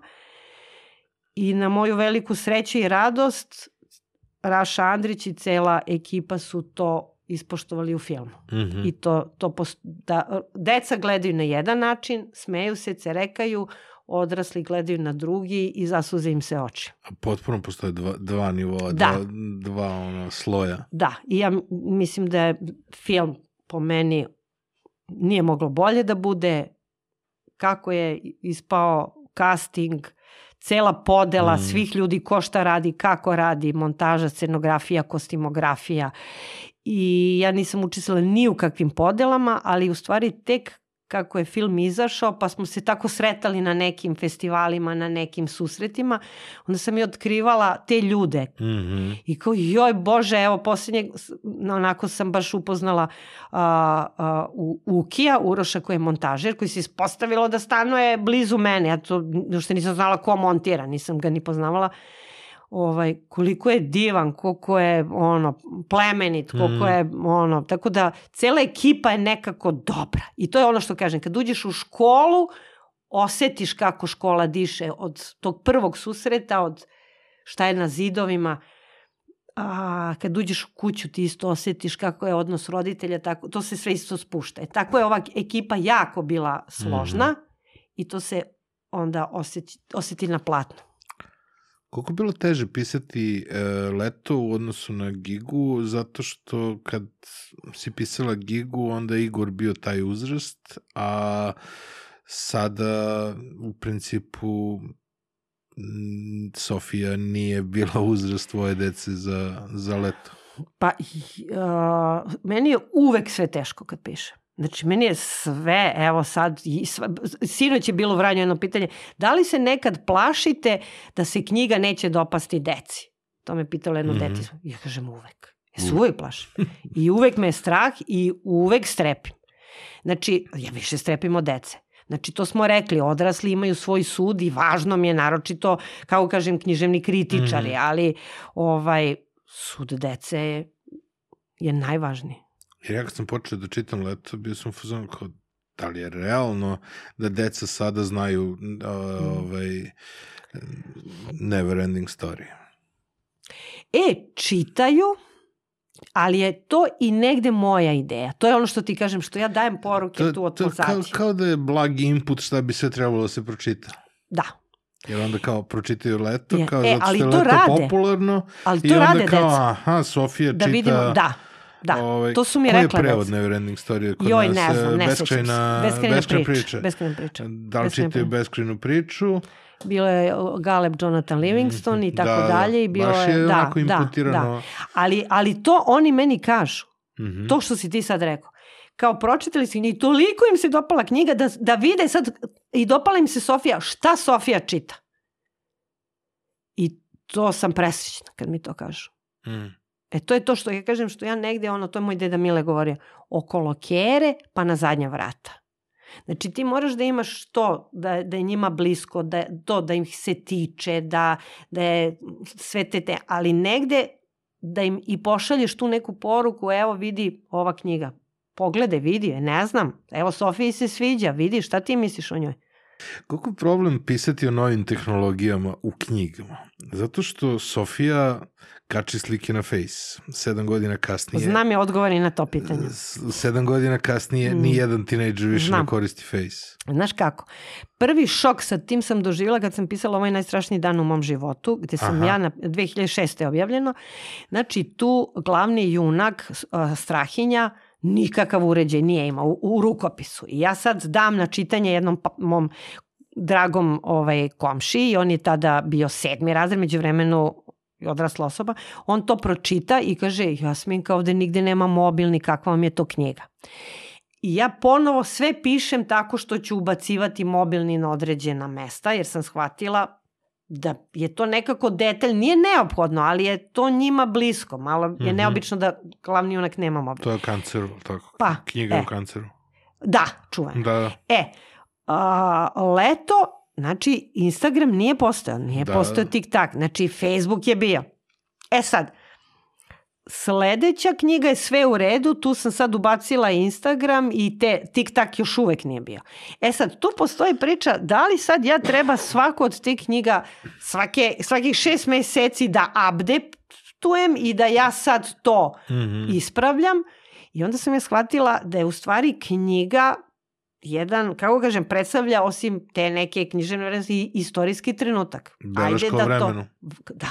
Znači u tom trenutku je to tako. U, u vreme strahinje bio je mobilni. Mhm. U vreme leta bio je Facebook. Ali niko mi od dece nije to za. Oni kažu kao, jo, Jasminka, kao Facebook je danas to kao za starije, nije za nas.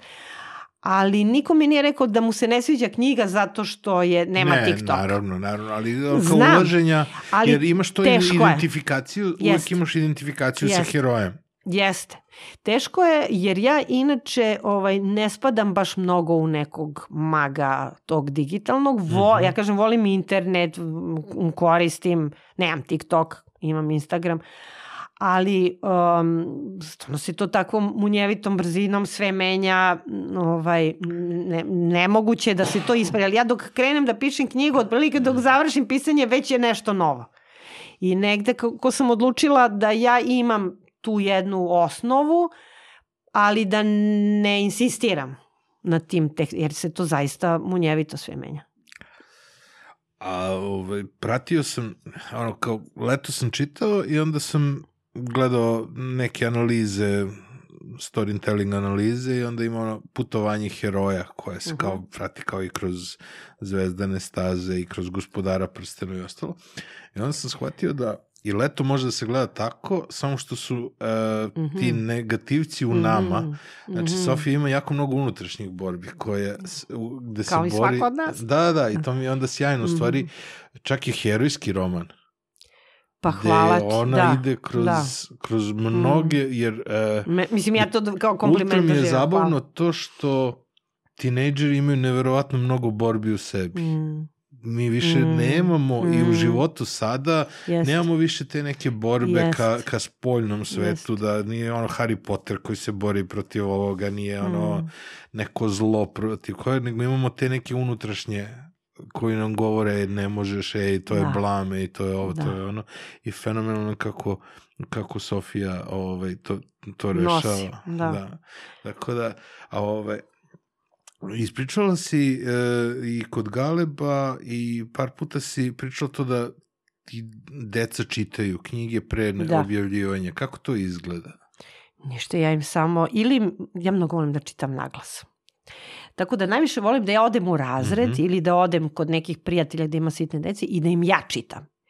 Ima i ta opcija Mhm. i onda im ja ovaj pratim reakcije. I onda recimo, to se sećam jednom da, da je bila knjiga Riba, riba, ri- grize rep, dečak kome sam čitala, on rekao, šta je to aplauz?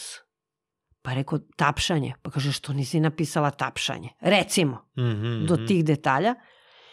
I onda oni, ovaj, to, opet kažem kako su oni surovo iskreni, onda oni to kažu, ovo ne razumem, ili ova reč, šta, šta je, ili ovo, ne, nekako pokažu šta im se sviđa, šta im se ne sviđa.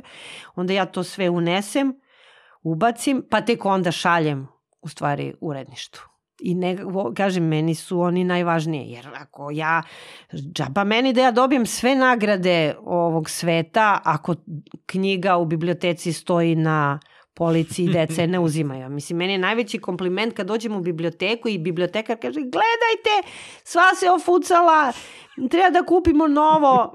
Ili ono, pokaže mi spisak dece koja čekaju na red da se vrati, ono, knjiga, recimo A, ima školskim. bi- Ima Da. to još uvijek. Ima, da. Pa sjajno. Pa da. I onda mi to nekako, meni, meni su to nagrade. To su da znam da deca čitaju i da im je to... I onda oni to kad pitaju, a kako ste vi znali baš da sam, da, da kako ste sve to pisali, ste vi mene gledali? To, to me često deca pitaju, ste vi negde, jel vam moja mama to ispričala? Imaju utisak da, da, da svaki put da su to oni. Aha, aha, aha. Ja Reku, nije, ne znam tvoju mamu, nikad se nismo upoznali. Pa ne, ali vi ste tačno to napisali sve kako ja kao. Eto, to uvijek bude drago kad mi kažu. Da, i meni, meni su, u letu su mi bili fenomenalni opisi starog grada, znači, to Eto, je ono... drago mi. Da se, Da, vidi se da ste da, proveli da, tamo vreme da, i da, da, ono, da. ispričali ste da vlada tamo ima deo porodice. i Jest, to, jest. E, ali samo me ovo podsjela, u stvari moraš da pišeš ono što znaš. Ako ne znaš, onda moraš da se raspitaš. I ja znam, jedan nemački pisac je pisao, mislim da je knjiga Čik, uh, on je, uh, to je ova knjiga Road o putovanjima od dva tinejdžera i on je opisivao razna njihova putovanja, a da nikad nije bio tamo. I onda je koristio, kaže, Google Map. Znači, ako dobro je da poznaješ, jer je onda tebi lakše da pišeš. Ja, I, ja sam geografiju zbog toga zavoleo. e, Jer je meni otac objasnio da je Karl May napisao sve, pi, sve, ove, sve knjige o divljem zapadu a, kroz dobro poznavanje geografije. I onda Da. sam ja čitao Karla Maja, on indijanci i sve ostalo. da, da, I strava. zbog toga zavoleo geografiju i zbog Eto, toga ono... eto to me priča. E, da. e, I sad recimo kada je bila priča oko superheroja recimo Aha. u vrtiću, ove, ja sam objašnjavao kao da su najbolji Iron Man i Batman zato što ne zato što imaju super moći, nego zato što su sami sebi napravili ta odela i sve to, to jer su- su to jer zbog su znanje Imali, kao da, više da, da, neka, da, da, da, ono, da, stimulacija da, da, da, da- da, da, da da, da, e i pa to je to, to, e da- pa to je to.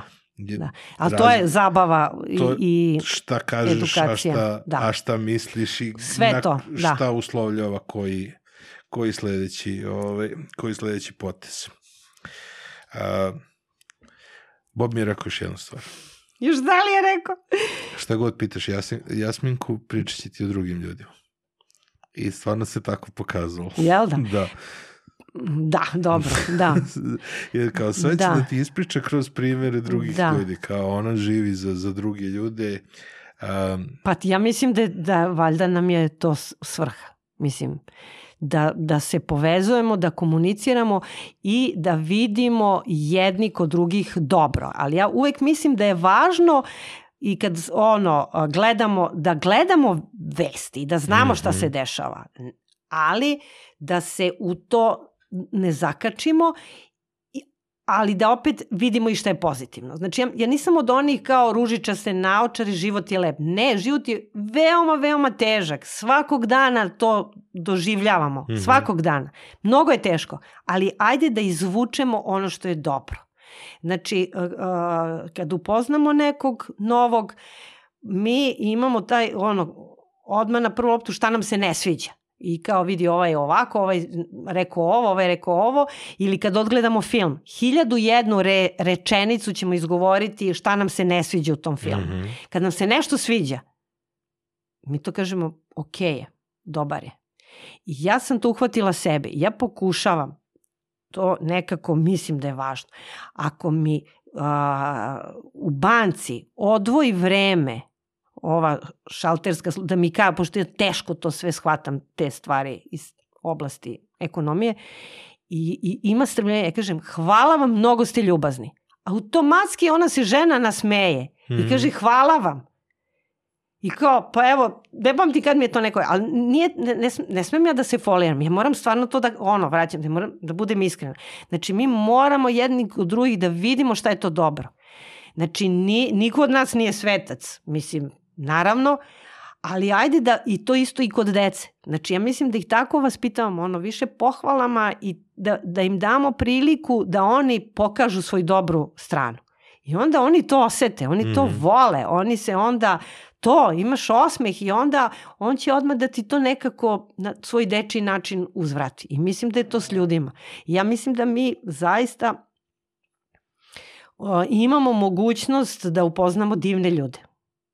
Da.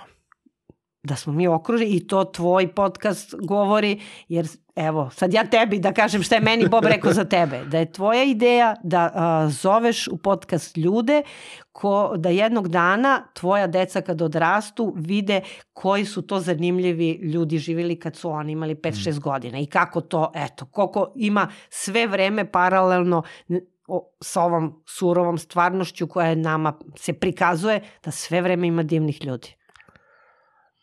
I to je verovatno zajedničko između mene i tebe. Od podcasta, hvala puno. Od podcasta sa Bobom sam počeo da razmišljam još o jednoj temi, a to je koliko kada se sretnemo sa nekim i kada želimo prijateljstvo, usmereni smo ka sličnostima. Mhm. A kada Mhm. nekoga posmatramo na Mhm. distanciji, što je često na društvenim Mhm. mrežama, kada nismo prijatelji sa, sa nekim, kada se ne znamo lično, gledamo nedostatke. Mhm. A recimo, ono što sam video i kod tebe i ono kako si objasnila da kod tebe moraju svi da budu na ti i možda i dugujemo Da. čak i objašnjenje Da. i publici ovde zašto su svi na ti, možda nisu ovaj, gledali svi podcast Mhm. kod Galeba, mada verujem da jesu. A, imam nekako utisak da ti odmah prelaziš tu barijeru distance. Nemam vremena. To- Život je brz. Mislim, nekako, ali to se oseti kad se duše prepoznaju. To je samo, uf, ja odmah vidim, evo recimo, ne znam, evo ja sad to vranje jer mi je najsvežije, Mhm. ali to evo, cela ova nedelja, ovaj bibli... znači ja, ja sam ušla u biblioteku, ovaj, ovako, sad scena, o, bibliotekarka u Leštanima, sedi, oko nje gomila dece, ona sad tu nešto izdaje knjige, ovi je pitaju, ona ima majicu sa velikom mačkom, to isto meni odmah bilo znak, kakva divna žena. Ja kažem, jo, što mi je divna majica? Kaže, jo, da vam kažem, imam tri mačke, recimo, Da, ne znam. Onda kreće Odmah, odmah, tema za razgovor. odmah tema za i ovaj i mi ona mi smo se već site ispričale, onda je ona ustala jer dok je završila to sa decom i to mi je super. Ona daje prednost deci, nije meni dala. Jer to bi bilo lažno. Mhm. Manja bi mi se dopala da je ustala. Ne, ona prvo mora da završi to što je krenula s decom. To je, to je pravi put. Ona ustane i ovako se gleda, mi se zagrlimo. Mi se znamo. Mhm. Mi se znamo od nekud. Eto, to je to. To je krenula odmah, a evo, to je to. I ona mene i ja nju. A, a, a, ovo u Vranju. Znači, prvi, a, prvo pitanje nastavnika srpskog koji je sa mnom Marijana, koji je ovaj krenuo razgovor sa mnom, gledao je podcast i on je rekao kao da li ćemo da budemo na ti ili vi. Mhm. Ja rekao na ti. Zato što ovaj on je toliko pročitao sve moje knjige, već zna, ja sam došla, uvažavam ga, hvala što ste me zvali, hvala organizatorima i ajde da, onda smo nekako krenuli na ti. Nekako, nisam ja baš uvek, ali o, o, osetiš, ne znam, Mm. duša ti kaže. Mislim, To- osetiš s kim to možeš Mhm. i mislim sad ne, nisam ja ono stvarno sad sa prodavačicama i nekog koga prvi put vidim, ali u, u tom nekom domenu u tom kojem se ja krećem ja nekako prepoznam s kim mogu da budem na ti, predložim. Pre nego što sam napravio podcast, Mhm. uh napravio sam spisak 100 ljudi koje želim da, ovaj, da pozovem. To je Mhm. bio savjet jednog dobrog prijatelja koji se već ba, Mhm, ovaj, bavi podcastima, Ivan Minića. I sada sam na, skoro na 90 epizoda Aha. i sa tog prvog spiska sam pozvao 30 ljudi. Hm. Ostatak, nekih 50, pola sam upoznao novih, a pola su Mhm. neki koji su mi bili gde se pojavio kontekst i gde sam, gde sam to iskoristio. Evo, tih novih sam za jako mnogo ljudi razmišljao da smo išli zajedno ono, u školu, možda bismo bili do, ono, najbolji prijatelji. I to mi se često provlači kroz glavu koliko si zapravo uslovljen da te život navede da se upoznaš sa nekim sa kim bi bio s- Mm. dobar, to je ono kao Mhm, nemam vremena mhm, da, mhm. da gubim vreme, Da. ajde budemo prijatelji odmah. Odmah, da. A, I u stvari shvatiš da nekad te da je čista lutrija gde si se rodio, Mm, za mm. koje ljude si upoznao i šta radiš, možeš da poradiš na tome, Mhm. ali za neke ljude je to ogromna lutrija. Ha, evo sad razmišljam o tome, ali ja mislim, kako da kažem, možda još veći izazov zapravo a, ono, lak, kako biš ono, lako je u dobru dobar biti. Mislim, Da, da. ovo je možda veći izazov da ti baš u ovom mraku, to je sad Bobova, ovaj, ako Bob sad ne da štuca, nego samo skače, koliko ga pomije.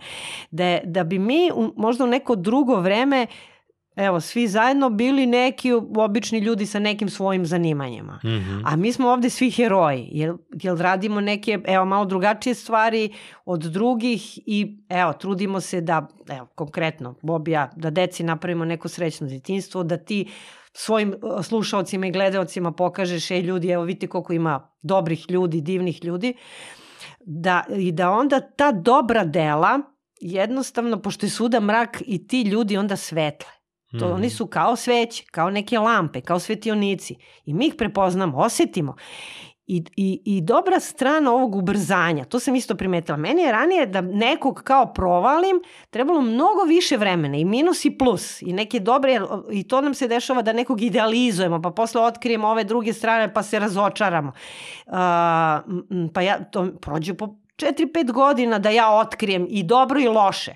E sad mislim da je u ovom ubrzanju i u ovom stresu, uključujući koronu, dobra strana korona, maske padaju, jer ti više ne, ne možeš toliko baš Mislim, živimo mi u tom svetu pre, prekazivanja, pretvaranja, ali nekako mislim da, da, da, da se brže dođe do, do do suštine. Mm. Barem se meni to dešava, ne znam da li drugima. Znači nekako mnogo lepo gledam, lepo vidim. Mm -hmm. To mi je nekako, ako si i ole koncentrisan, onda možeš da, da vidiš. Zato ja mislim da je jako važna i koncentracija. Znači da nije sve ono kao površno. Znači čim se malo koncentrišeš, odmah nekako dobiješ precizno informacije o nekoj osobi, o nekom događaju. Ono, brže, brže dobijamo informacije. Ja tako barem mislim. Zato mi je ono što sam rekao leto da smo da svako može da bude heroj svoje priče i da pronađe ono mm. neke probleme u sebi i da se bori protiv tih ono Upravo. svojih svojih stvari da bukvalno može sam o sebi da da to gleda kroz, kao priču, o da. herojsku priču. Da, Jer da, pa svi smo mi heroji, zapravo. Svi smo mi heroji, a ako nisi heroj, da. ako, mm, nisi heroj ako nisi heroj, onda si sporedni lik u nekoj tuđi herojskoj to, da, priči. Da, da, I to da, je ono, da.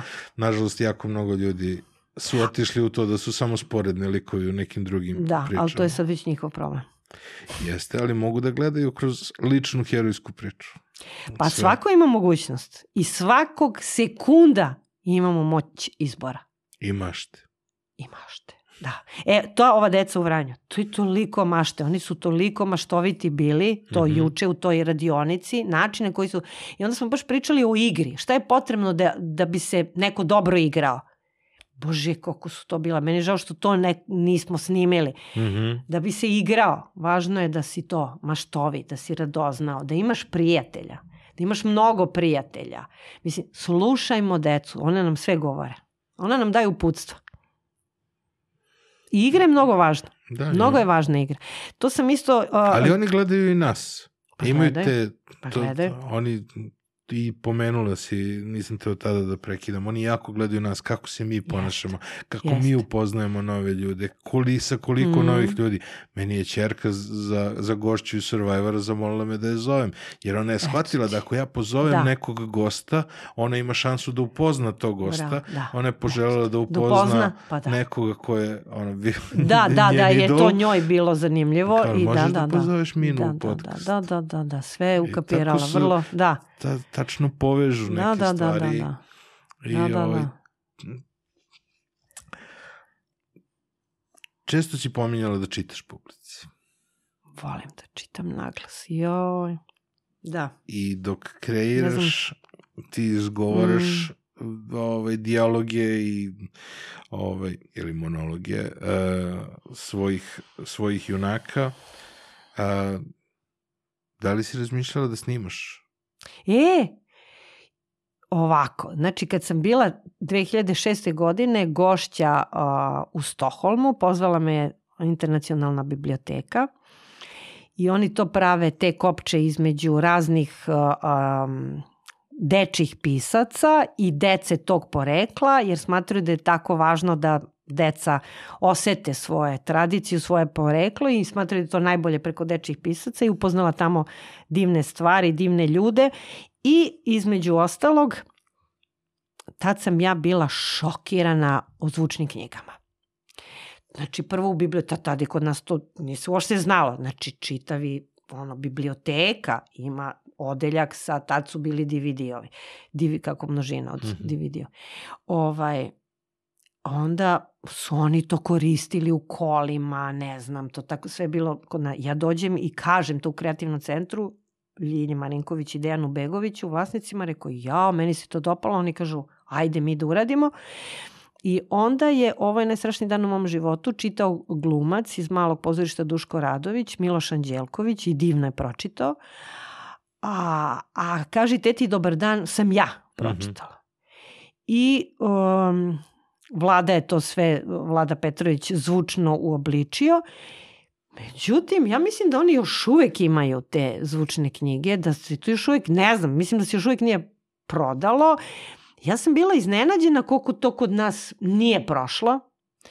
Ja sam to shvatila da je to zanimljivo recimo i vrlo praktično kad se putuje, pa sad dug put, pa ono de, da roditelj pusti ovaj u kolima da deca slušaju, da za decu koja su slabovida i ne vide i te dece mm. mi imamo u ovom našem gradu i ovoj našoj zemlji.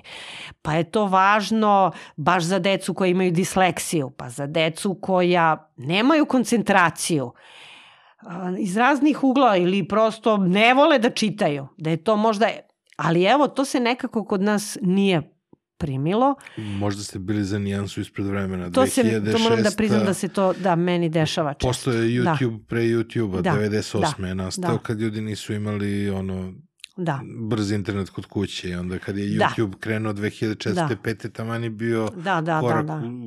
uz korak sa, sa tim.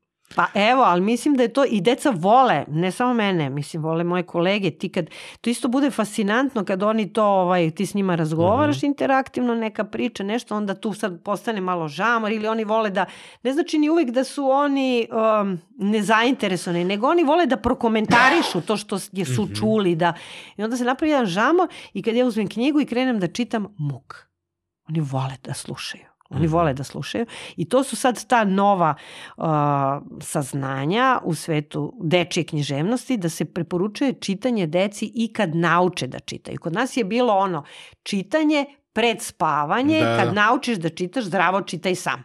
E sad, znači ovako, može da se čita uh, i u toku dana, ujutru, kad, mislim ono, dok se sprema za školu ili barem vikendom. Da roditelji čitaju deci, čak i tinejdžerima. Mm -hmm.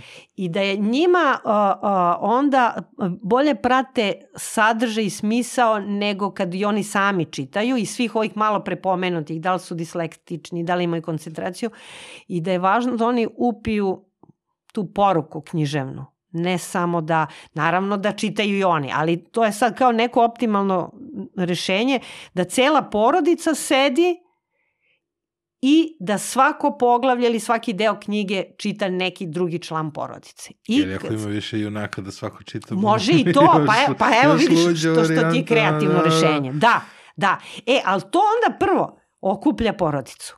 Da. Svi su zajedno. Znači, stop, sve ostane, ne uključujemo televizor, ne gledamo mobilne, čitamo. Mm -hmm onda se o tome diskutuje, razgovara, kako je ko razumeo. I to je, mislim, ono, to ne kažem ja, to kažu stručna lica. Jer će dete pre da kaže, joj, vidiš kako su ovog zadirkivali, znaš da su mene tako zadirkivali, stvarno, znaš što su ti zadirkivali? Pa jednog dana nisam nemam pojma, stavio sam, obuko sam naopako džemper, pa su mi se svi smejali, recimo. Može i primjer škole iz Šumica da se zamene uloge, da deca čitaju uloge da, roditelja, i to, i to, a da. roditelji da, evo, da, evo vidiš, da, da čitaju predlozi. uloge dece, isto ono, vrlo zanimljivo, može da pravi vrlo dobru varijantu, da. ako je dobra knjiga vrlo koja je o nekim porodičnim Jest. odnosima, kako to Jest. deca interpretiraju, Jest. kako roditelji. Da, znači, ta zajednička čitanja kažu da su mm. stvari na, na, i književno, i psihološki, i ono, okupljanje porodice I na prode, raznim... I može da proda više knjiga. Da, da, da, da, da. Svako da, da, da, da, da. Da, da, da, da, da. Evo, i čak i to. E, a isto, pitao sam te za audio knjige, mm -hmm. ali ta tvoja čitanja, mm -hmm. gde ti odlaziš, to je jedna stvar.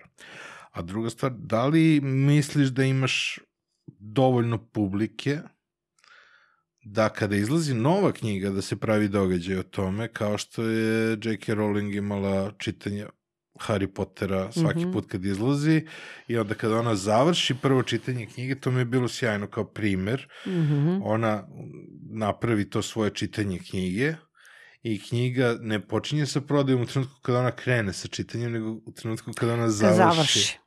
I ona mm -hmm. ima mhm. određenu svoju mm -hmm. publiku, to je sad malo verujem da ti ne bi bilo u tom fazonu da to bude da, samo da, da, da, da, da. probrani Odama, i ostalo. Naravno da ne. Ovaj, da, ne, ja da najviše volim kad, premium. kad, kad odem u školu i kaže ja, samo smo izabrali ove, ovu bolju decu. Reku, molim vas, dovedite ovu, ove, ove druge, ove nemene za njih. Za one što da, nisu. da. Da li si razmišljala o tome da napraviš ono kada, da napravite, pošto je to zajedno Mhm. verovatno sa, sa kreativnim centrom i sa, sa ostalim izdavačima, da napravite neki događaj gde bi Mhm.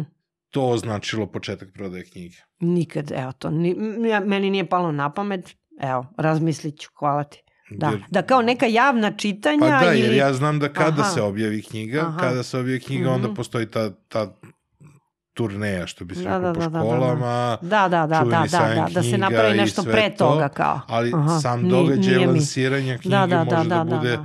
Super interesantan. Čovjek iz marketinga. Da, e, znaš, ono, posle mi ispostaviš račun kad završimo podcast. Ne, Žalim ja, se, žalim se. ja sam kao Da. mali čitao um, kolumne Mm, Laze mm. Džamića, Mhm. Koji je bio Gde- tvoj gost? da, gde je pisao Peteru Drakjeru, koji Mhm. sedi na svom Mhm. ranču i kod njega dolaze velika imena da se sa njim savjetuje. Da. Ja sam zapravo podsvesno napravio nešto što je Tač, 9 od 10. tač. To, Da, da, to je to. Tako da, da. u principu, da, da, da, da, da, da, potpuno da, da, da. podsvesno, ono, da, da mi dolaze sjajni ljudi da, da pričam sa njima.